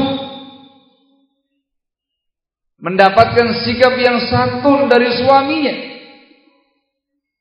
Namanya hakku syafaqah warahmah. Ini yang disebutkan dalam beberapa hadis yang, yang dibacakan sebelumnya. Akmalul mu'minina imanan ahsaduhum khuluqa wa altafuhum bi ahlih. Mukmin yang paling sempurna imannya adalah mukmin yang paling bagus akhlaknya dan yang paling lembut kepada keluarganya. Ini kewajiban suami betul-betul mencintai istrinya sepenuh hati. Menyayangi istrinya sepenuh hati. Memberikan kelembutan kepada istrinya dengan sepenuh hati kelembutan dalam tutur kata, kelembutan dalam berucap, kelembutan di dalam bertindak, bertingkah laku, dalam perbuatan. Latif, lembut, santun. Itu haknya wanita, tanggung jawabnya kaum laki-laki. Nabi kita Muhammad sallallahu alaihi wasallam sedikit pun tidak pernah memukul wanita.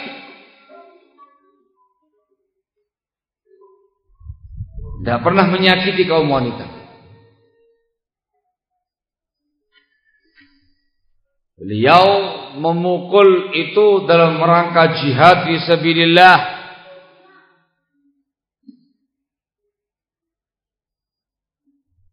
Barakallahu fikum. Itu contoh Nabi kita Muhammad sallallahu alaihi wasallam. Betul-betul memberikan curahan kasih sayang, curahan cinta sepenuh hati kepada keluarganya. Sangat mencintai keluarganya, sangat menyayangi keluarganya, sangat perhatian dengan keluarganya, sangat lembut dan santun pada keluarganya. Tapi ketika ada kemungkaran dilanggar, marah beliau. Ketika keharaman-keharaman Allah, keharaman agama dilanggar, marah beliau. Sehingga ghadabuhu lillah marahnya beliau karena Allah Subhanahu wa taala. Marahnya itu karena Allah Subhanahu wa taala. Ghadabun lillah kemurkaannya karena Allah tabaraka wa taala bukan karena yang lain. Di sisi yang lain Nabi kita Muhammad SAW dikenal sebagai seorang Nabi yang memiliki akhlak yang begitu mulia. Sangat dicintai oleh keluarganya, sangat dicintai oleh para sahabatnya. Ini merupakan hak wanita tanggung jawabnya kaum laki-laki. Hakus syafaqati warahmah. Ingat Allah mengatakan tadi walahunna mithlul ladzi 'alaihinna bil ma'ruf. Para wanita-wanita itu memiliki hak seperti mereka memiliki tanggung jawab bil ma'ruf mendapatkan hak dengan cara yang ma'ruf dengan cara yang baik baik dalam syariat maupun baik dalam kebiasaan masyarakat. Barakallahu fikum Pembahasan yang kedua yang disebutkan dalam ayat tadi Al-Baqarah 228 ialah walir rijali alaihinna darajah. Dan kaum laki-laki memiliki satu derajat, satu tingkatan di atas kaum wanita. Terkait dengan masalah hak Hak suami itu lebih agung, lebih mulia dalam pandangan Islam Disebutkan dalam sebuah hadis Indah Tirmidzi belum mengatakan hasan sahih dari sahabat Abu Hurairah radhiyallahu anhu. Kata Rasulullah sallallahu alaihi wasallam, "Lau kuntu amiran ahada ay yasjuda li ahadin la amartul mar'ata an tasjuda li zawjiha." Kalau seandainya aku memerintahkan seseorang sujud kepada orang lain, Aku akan perintahkan kaum wanita sujud kepada suaminya. Kalau seandainya sujud itu hanya kepada Allah Azza wa Jalla. Ini namanya mubalaghah. Ya. Untuk menekankan bahwasanya hak suami itu begitu besar, begitu agung di pundak kaum wanita. Hak suami lebih besar lebih mulia, lebih agung. Satu tingkatan di atas kaum wanita. Walir rijali alaihinna darajah. Wanita kaum laki-laki ada satu tingkatan di atas kaum wanita. Hadis ini dan juga yang semisal dijadikan dalil oleh para ulama ketika wanita itu sudah berumah tangga maka yang paling pertama dia tunaikan adalah hak zauj. Hak suaminya. Baru kemudian hakul walidain. Hak kedua orang tuanya.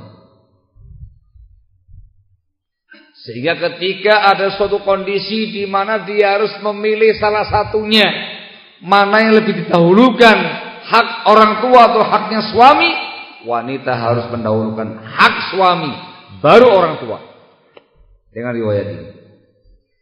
Dijelaskan oleh Syekh Abdul Manan Sa'di rahimahullah dan juga Syekh Ibnu Utsaimin rahimahullah taala. Menggambarkan laki-laki memiliki hak yang lebih tinggi. Yang kedua kenapa mereka lebih tinggi derajatnya dibandingkan kaum wanita dikarenakan laki-laki itu sebagai pemimpin rumah tangga. Yang disebutkan dalam Al-Qur'anul Karim di Ali Imran, ah sebentar di, uh, di An-Nisa ayat yang ke-34 Allah mengatakan dalam firman-Nya ar-rijalu qawwamuna 'alan nisa bima faddala Allahu ba'dahum 'ala ba'd wa bima anfaqu min amwalihim laki-laki itu sebagai kawam, pemimpin, penanggung jawab kaum wanita. Kepala rumah tangga itu kaum laki-laki. Dua alasan. Yang pertama kata Allah bima faddalallahu ba'dahum ala ba'd. Dikarenakan apa yang Allah utamakan sebagian mereka atau sebagian yang lain. yakni keutamaan jenis laki-laki dibandingkan jenis perempuan secara umum. Karena mereka laki-laki.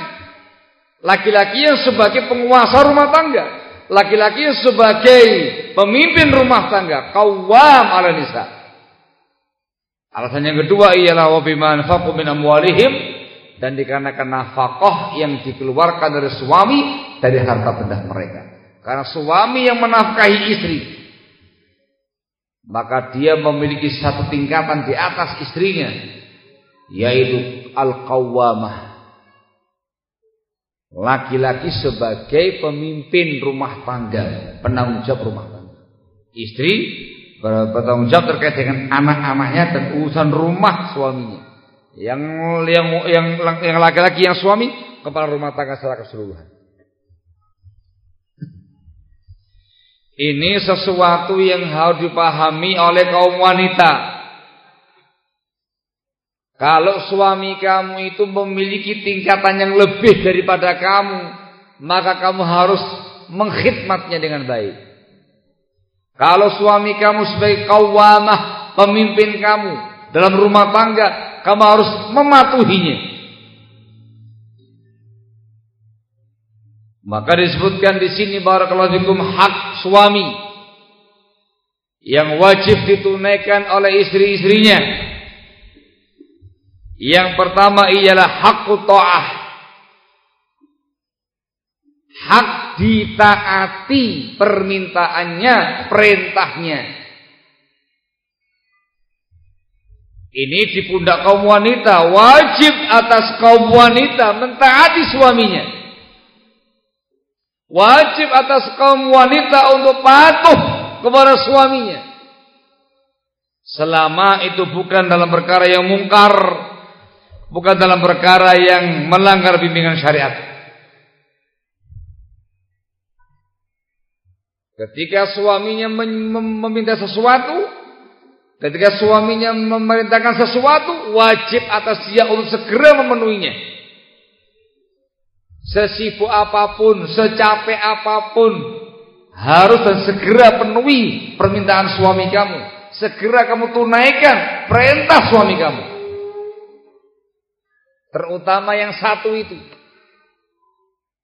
Jangan sampai engkau sia-siakan yang satu itu. Supaya tenang keadaan suami kamu. Merasakan ketentraman sakinah kepada diri kamu. Kalau sampai suami kamu meminta yang satu itu dan kamu tolak. Kamu akan dilaknat oleh malaikat sampai subuh.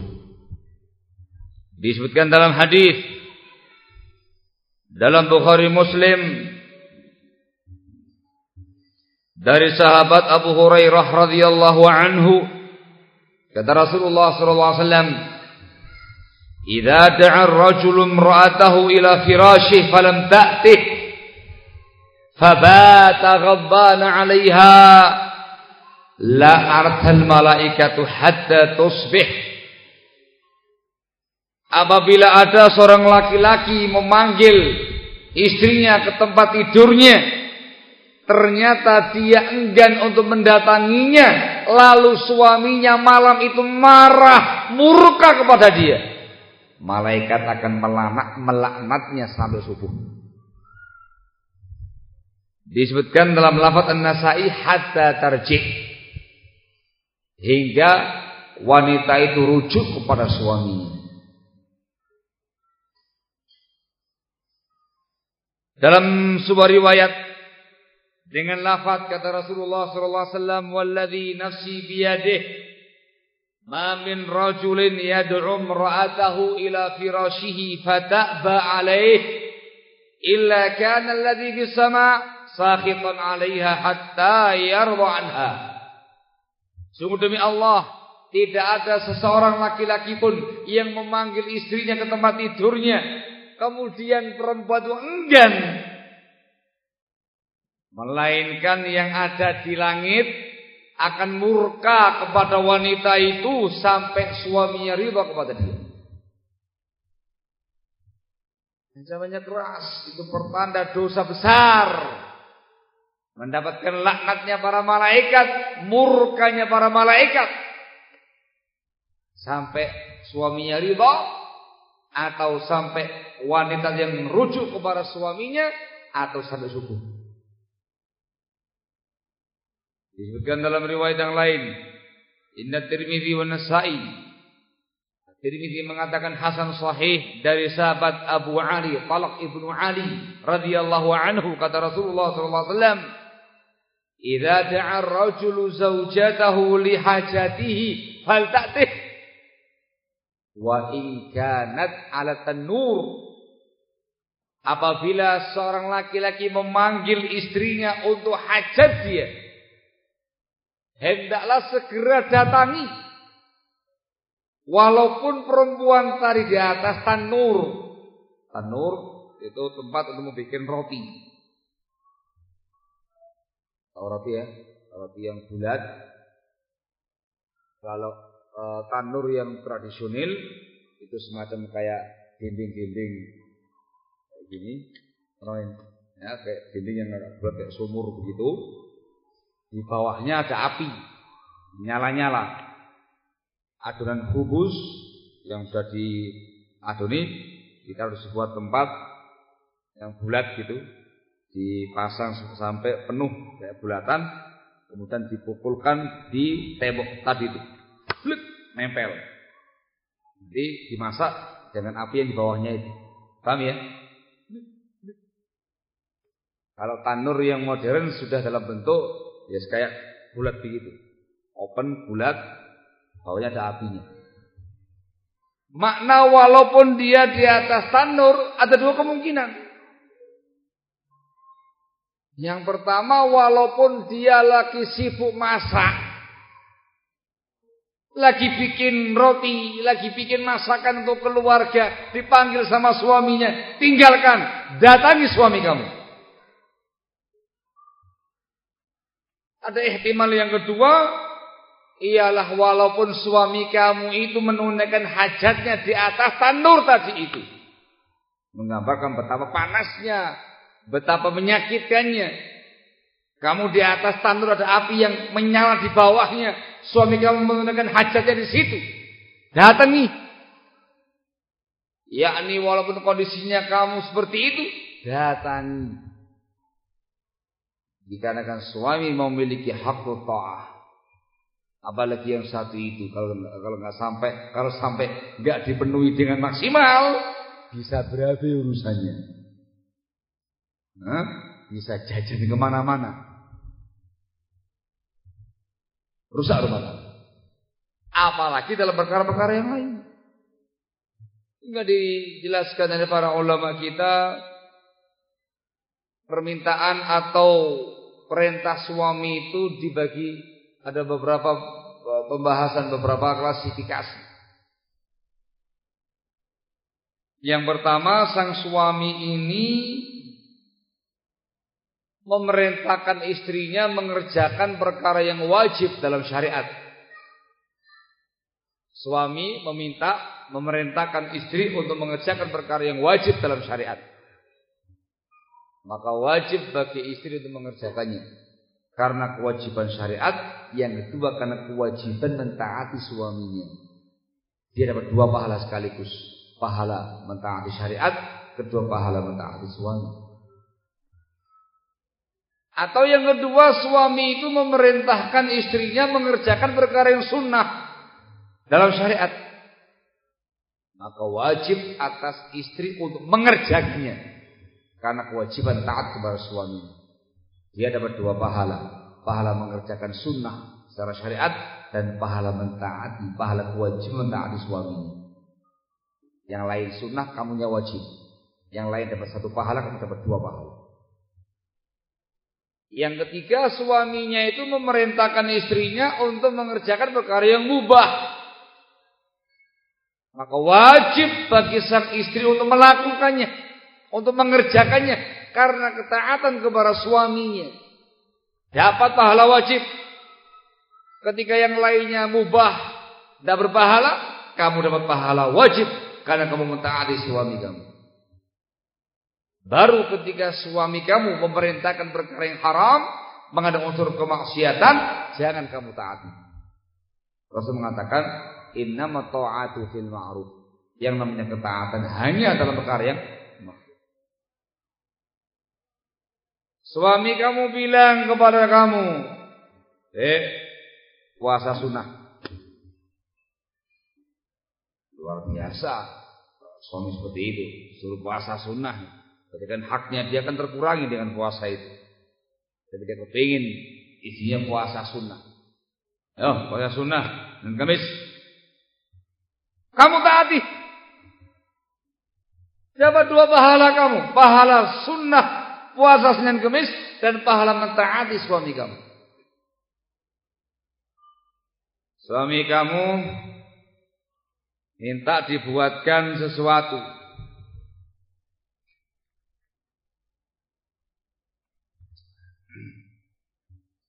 Kopinya dek, manggilnya dek apa sih?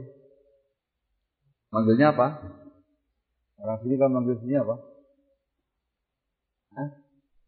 Manggilnya gimana? Hah? Manggilnya apa? D apa? D. D aja ya. Masya Allah. Hmm. D kopinya. Langsung kamu buatkan. Jangan mengatakan kelamaan itu. Langsung kamu buatkan. Segera kamu beranjak dari tempatnya kamu dah menuju ke dapur bikin kopi. Buatkan kopi yang paling zen untuk suami kamu. Bikin dengan rasa cinta. Bagi yang lain itu mubah. Bikin kopi itu mubah. Bikin teh itu mubah. Tapi ketika suami kamu yang meminta kamu membuat kopi, itu kewajiban kamu untuk mentaatinya. Engkau membuat kopi itu beribadah kepada Allah. Kamu mendapatkan pahala wajib. Karena ketaatan kepada suami kamu tadi.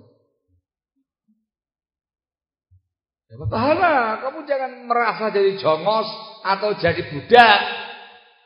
Tapi kamu merasa berbahagia. Kesempatan emas untuk meraih pahala besar. Dengan mentaati suami kamu. Taati dia dengan sepenuh hati. Eh, kopinya, gulanya seujung saja. Buatkan yang. Kamu harus tahu bagaimana kebiasaan suami kamu ini. Eh, buatkan teh. Buatkan yang paling enak. Kamu harus tahu bagaimana suami kamu terkadang minum teh ini. Hal yang seperti ini perkara sifatnya mubah. Kalau suami kamu yang memintanya hukumnya wajib. Karena kewajiban mentaati sang suami. Nah, itu kewajiban kalian dan haknya suami. Di satu sisi itu luar biasa, wahai kaum wanita muslimah. Kalian bisa memborong semua pahala dengan itu semua. Yang lain mengerjakan yang wajib, satu pahala atau pahala wajib. Kamu dapat dua pahala, pahala wajib dan pahala mentaati suami. Yang lainnya pahalanya sunnah saja. Kamu juga dapat dua pahala. Pahala sunnah dan pahala mentaati suami. Ketika yang lain gak dapat pahala perkara yang mubah. Kamu dapat pahala lagi. Pahala mentaati suami. Borong semuanya untuk kalian. Wanita yang solihah adalah wanita yang bisa memanfaatkan suaminya itu sebagai ladang pahala bagi dirinya. Hmm? Barakallahu fikum disebutkan dalam hadis dan Nasai. Ada salah seorang wanita pernah menemui menemui Rasulullah SAW sebuah hajat. Ketika selesai hajatnya, Rasul bertanya kepada perempuan tersebut, "Azatu ba'lin anti?" Apakah engkau sudah bersuami? Dikatakan, "Sudah ya Rasulullah." Maka beliau bertanya kepada perempuan tadi, "Kaifa anti minhu?" Bagaimana kondisi kamu dari suami ini? Kata sang wanita, "La alu illa ma'ajaztu anhu." Ya Rasulullah sedikit pun aku tidak pernah kurang dalam mengkhidmat suamiku ini kecuali pada apa yang aku tidak sanggup. Artinya apa? Luar biasa ini wanita ya Pak. Betul-betul suaminya itu diservis, dikhidmat dengan maksimal kecuali dia tidak sanggup. Maka Rasul mengatakan, "Unduri aina anti minhu." Lihat posisi kamu dari suami kamu ini. Fa innahu jannatuki wa naruk sebab sesungguhnya suami kamu ini mungkin surga bagi kamu atau neraka bagi kamu. Tergantung kamu wahai kaum wanita. Kalau kamu mentaati suami kamu dengan sepenuh hati maka suami kamu itu sebagai ladang pahala bagi kamu suami kamu sebagai sabab engkau mendapatkan surganya Allah Azza wa Jalla dengan mentaati suami.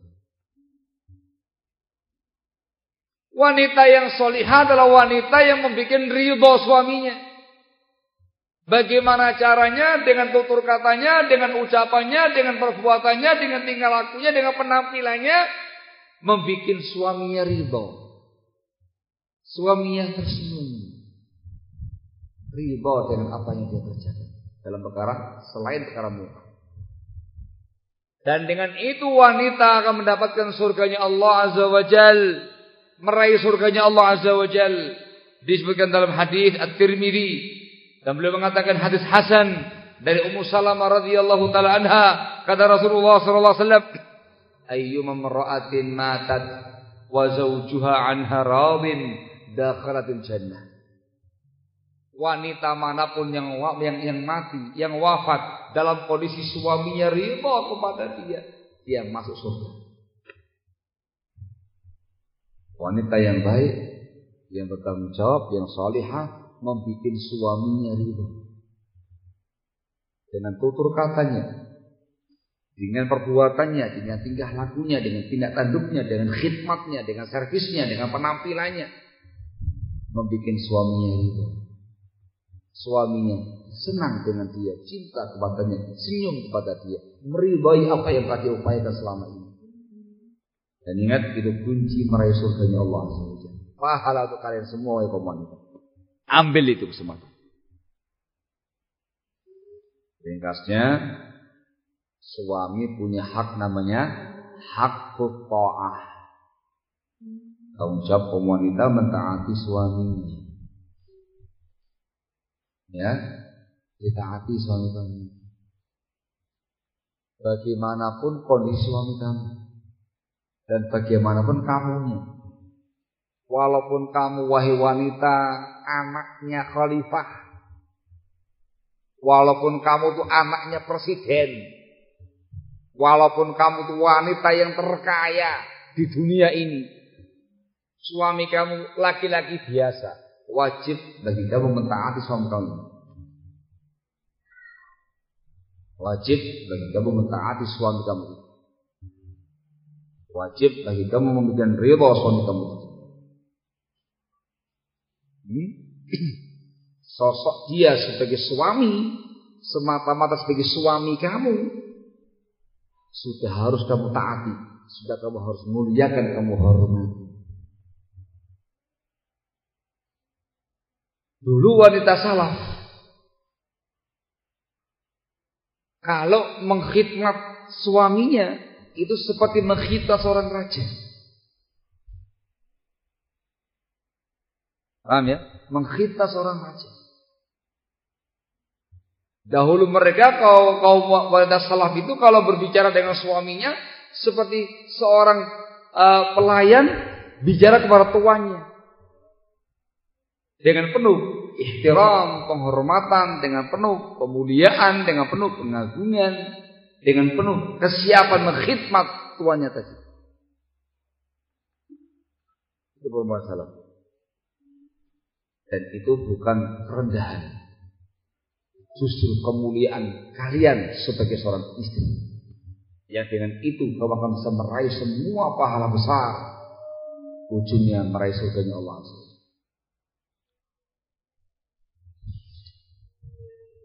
Hak yang kedua. Dari haknya suami ialah hakul khidmah. Hak untuk dikhidmat.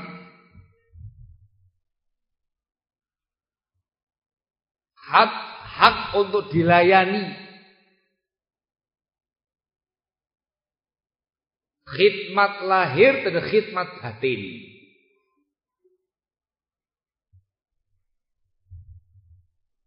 Ini hukumnya wajib.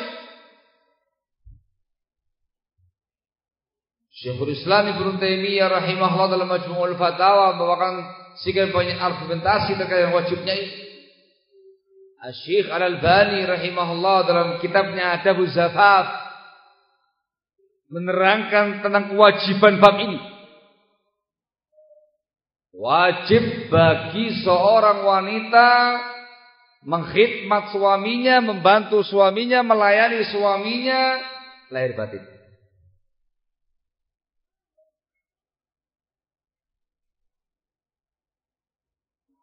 Di antara contoh yang begitu indah dari kehidupan kaum salaf. Apa yang dilakukan oleh Asma bintu Abu Bakar Siddiq radhiyallahu taala anhu. Itu panjang kisah. Al-Imam Nasai dalam bukunya Isyatul Nisa memuat riwayat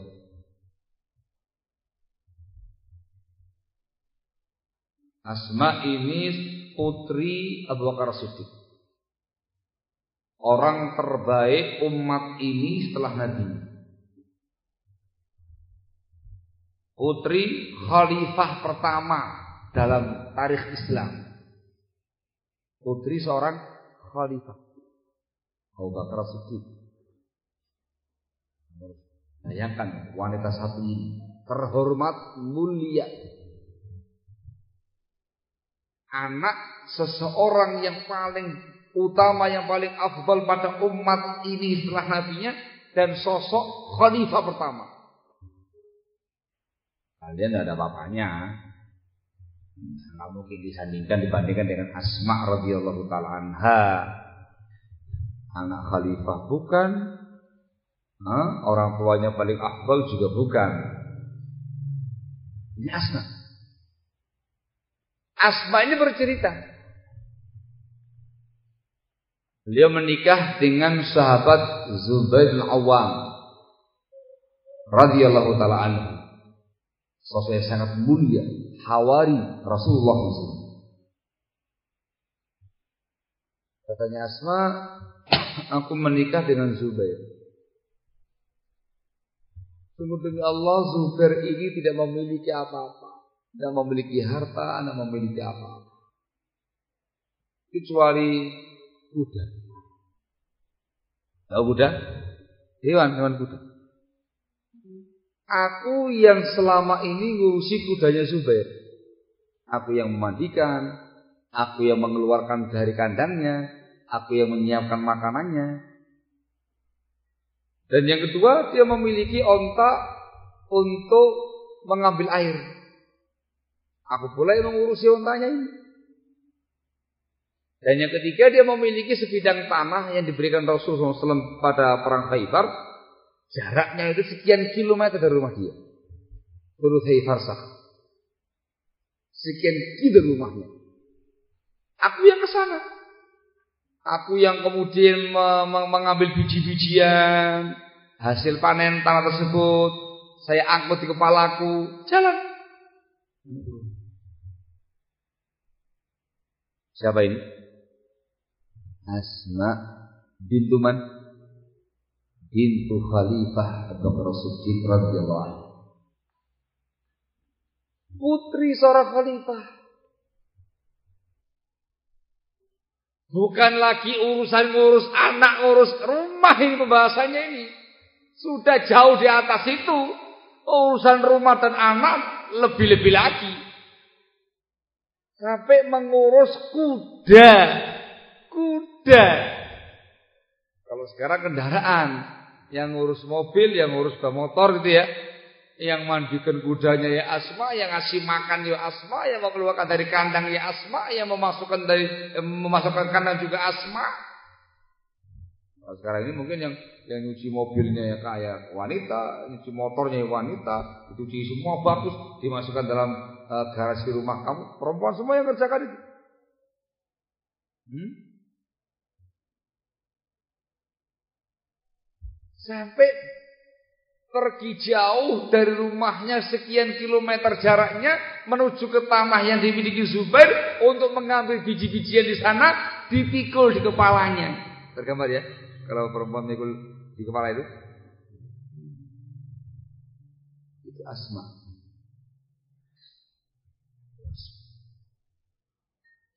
Itu menggambarkan bagaimana dahulu kala wanita salaf betul-betul mengkhidmat suaminya, melayani suaminya, membantu suaminya, bukan hanya terkait dengan urusan dalam rumah, Bukan semata-mata ngurusi anak, sapu-sapu rumah, bersih-bersih rumah, masak dan segala macam.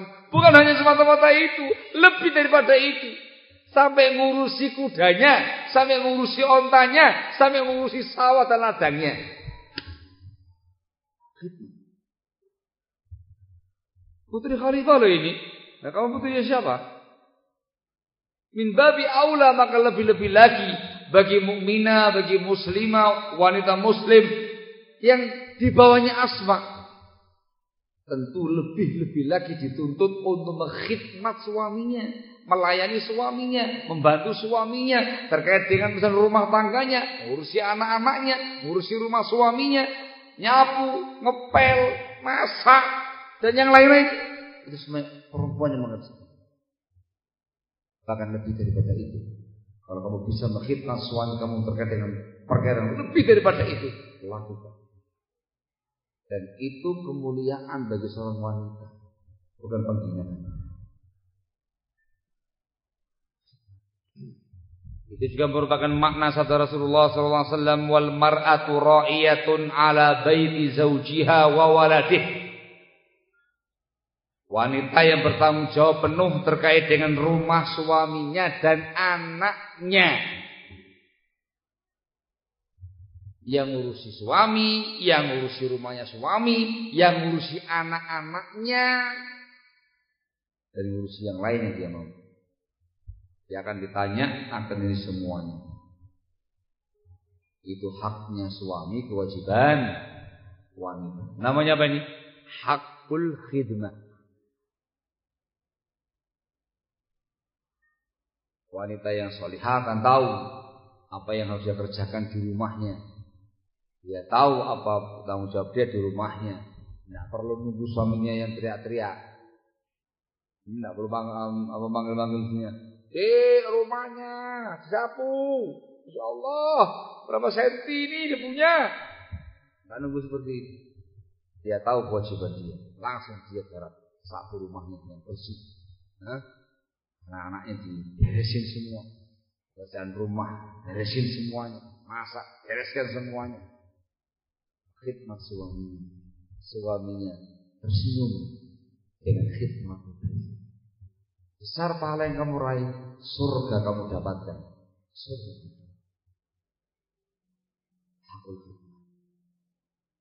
Suami mana yang gak tersenyum? Suami mana yang gak berbahagia mendapati istrinya soleh, mendapati istrinya mentaati apa yang disampaikan sama suaminya dalam perkara ma'ruf. Suami mana yang nggak berbahagia yang tidak uh, tersenyum mendapat sang istri begitu tulus, begitu bersemangat mengkhidmat khidmat lahir, khidmat batin, servis lahir, servis batin. Suami kamu tersenyum, jannah surga kamu dapat. Ada pahala bagi diri kamu. Iya.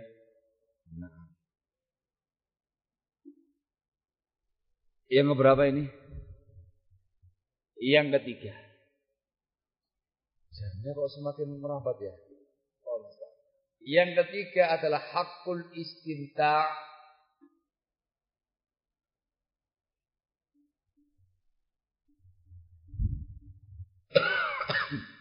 hak untuk bersenang-senang dengan istrinya.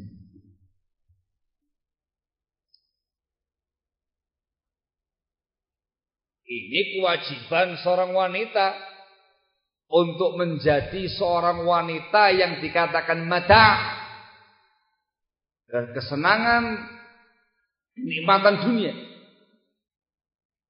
Suami istimta mendapatkan kesenangan dengan itu. semakin maksimal semakin afdal. Semakin afdal.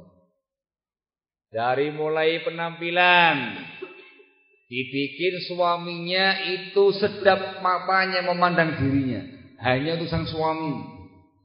Penampilan, aroma wangi dan yang lain-lainnya itu yang membuat suaminya betul-betul bisa istimta dengan sempurna terkait dengan diri. Itu bukan pelecehan wanita. Itu justru ladang pahala bagi mereka. Perempuan itu dikatakan sebagai khairun nisa, sebagai perempuan yang terbaik ketika mentaati suaminya, ketika suaminya memandang dia dan sedang bahagia memandang dirinya, dan ketika dia menjaga keadaan dirinya, menjaga harta suaminya ketika suaminya tidak. Ada allati tudi'u idza amar. Yang taat kalau suami memerintah. Dibahas tadi. Wa tasurru idza nawar. Dan betul-betul membahagiakan membuat senang ketika suaminya memandang diri. Hmm? mandang dia itu mata sedang menyenangkan hak suami sampai pada tingkat para fikum untuk menekankan hak yang satu ini ketika suaminya ada di rumah, wanita itu tidak boleh mengerjakan amal-amal yang sunnah tanpa seizin suami. Amal sunnah. Dia mau puasa sunnah, izin suami. Dia mau mengerjakan amal-amal yang lainnya hukumnya sunnah, izin suami. Karena dikhawatirkan mengurangi hakul istimta tadi. Kalau suami yang gak ridho, tidak boleh dia puasa puasa sunnah. Tidak boleh mengerjakan amal-amal yang sunnah. Dan ketaatan kepada suami itu wajib. Lebih utama, lebih afdal, lebih besar pahalanya daripada amal yang sunnah. Camkan baik-baik. Disebutkan dalam sebuah hadis dalam Bukhari Muslim, wahadalah Bukhari dari sahabat yang mulia Abu Hurairah radhiyallahu taala anhu Rasulullah sallallahu alaihi wa ala alihi wasallam bersabda, "La yahillu limra'atin an tasuma wa zawjuha syahid illa biidnih." Tidak halal bagi seorang wanita untuk berpuasa, ini puasa sunnah dalam kondisi suaminya ada di rumah melainkan dengan seizin suaminya. Kalau suaminya menghendaki istimta sempurna, wis ojo macam-macam kon. Wis ngurusi aku wae. Samina wa Amal yang kamu kerjakan menyenangkan suami kamu, membuat suami kamu sempurna dalam e, bersenang-senang dengan diri kamu, itu amal yang wajib, lebih afdal, lebih besar pahalanya daripada puasa sunnah. Yang sunnah lo ya, tapi perkara yang wajib lebih mendahulukan yang wajib daripada suami. Ini semuanya ketika diperhatikan oleh Pak Sutri dalam rumah tangganya dari mulai pembahasan awal kemarin sampai sekarang ini. Ini yang akan membuat rumah tangga itu indah. Sakinah, mawadah, warahmah. Penuh tanggung jawab, penuh perhatian, penuh cinta, penuh kasih sayang dengan hak dan kewajiban. Suami tanggung jawab menunaikan hak istri. Istri tanggung jawab menunaikan hak suami. Semuanya akan indah. Soal laki-laki yang baik, dia mendudukkan istri dia layaknya layaknya seorang permaisuri raja. Permaisuri yang dimuliakan, permaisuri yang dihormati, permaisuri yang didatangkan semua hajatnya, dibahagiakan. Wanita menyikapi suaminya layaknya seorang raja yang dihormati, yang dimuliakan, yang ditaati, yang dikhidmat dengan sepenuh hati. Maka rumah tangganya layaknya rumah tangga raja dan permaisuri. Kan gitu ya. Nah, kalau profesornya banyak, lebih afdal lagi. Lebih afdal lagi. Permaisuri satu, permaisuri dua, permaisuri tiga, dan empat itu maksimal. Lebih indah lagi. Ketika semuanya memiliki konsep yang sama. Ada empat permaisuri berlomba-lomba untuk menunaikan hak suaminya. Itu sangat indah. Berlomba-lomba dalam perkara kebaikan itu lebih afdal lagi bagi orang-orang yang diberi kesempatan oleh Allah Azza wa Jal untuk mengamalkan sunnah, menghidupkan sunnah yang satu ini. Satu saja sakinah mawadah warahmah, apalagi dua, apalagi tiga, apalagi empat. Itu sakinah mawadah warahmah empat kali lipat. Yang semestinya. Allahul musta'an wa la haula wa la quwwata illa billah. Belum lagi kalau mau dibahas detail pernak-pernik rumah tangga yang ditentukan Nabi kita Muhammad SAW begitu romantis, begitu harmonis, begitu indah. Tadi waktunya sudah habis. Jadi mohon maaf, nggak mungkin teruskan lagi. Persiapan ke Masjid Agung ini ya, keraya ya. Iya. Begitu ya. Ini kalau saya teruskan lagi tahu-tahu maghrib, nanti sananya nggak jadi. Apa sananya nggak usah. Hah? Loh. Ada, ini belum belum masuk lagi ke dalam ini. Ada banyak hal-hal uh, yang perlu diangkat pernak-pernik romantis, romantisme dan uh, harmonisnya rumah tangga. Hmm? Di rumah tangganya Rasul SAW itu ada musabaqah, ada mudhahakah, ada muda'abah, ada mula'abah, ada mujamaah, Hmm? Kalau ini semua. Hah? Itu disebutkan sama Al-Imam Nasai dalam bukunya Indonesia. Buku ini. Kopian dulu ketika di Nigolan ya. Belinya ketika masih masih bujangan, eh, dikaji ketika sudah menikah. Para itu. Ini kelompok yang luar biasa. Belum lagi bagaimana seorang istri memperlakukan suaminya Anda perhatikan jika banyak riwayat yang datang dari beliau SAW luar biasa. Aisyah menyisiri rambutnya Rasulullah SAW. Itu jangan dianggap remeh itu, itu penting sekali itu. Itu pernah pernah rumah tangga yang indah itu.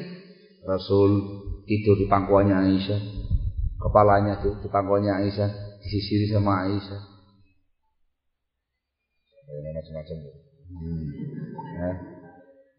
Ini yang lain masih banyak. Ah, nyuapin istrinya, nyuapin suaminya. Satu suapan yang kamu kasihkan sama istri kamu itu, itu infak yang paling afdal. Hmm, ya, nyuapin nyuapin. Masih banyak lagi yang lain. Ini semuanya adalah uh, rumah tangga indah yang ditentukan Nabi kita Muhammad SAW dengan para istri dan itu dicontoh oleh umatnya. Ala hal dikaji dan saya lihat kitab yang cukup banyak memuat riwayat tentang masalah rumah tangga adalah kitabnya ini. Kitab An-Nasa'i rahimahullah dengan judul Ishratun Nisa. Ini sebentar riwayat hadis tentang rumah tangga yang diajarkan Nabi kita Muhammad SAW. Yang saya sebutkan yang indah-indah. Yang sini ada pembahasan yang ruwet-ruwet juga ada. Jadi semua akan selesai dengan indah ketika suami istri tadi menunaikan kewajiban. Dalam rumah tangga ada namanya eh, marah, ada yang namanya jengkel, ada semua di situ. Tapi semuanya selesai dengan indah.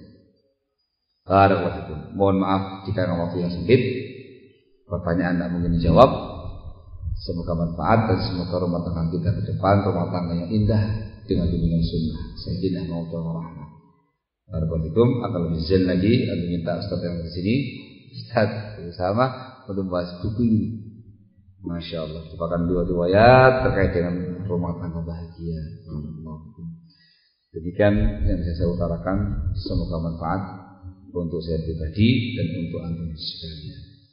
Seorang sunni, seorang salafi harus terdepan dalam bab ini. Rumah tangga mereka percontohan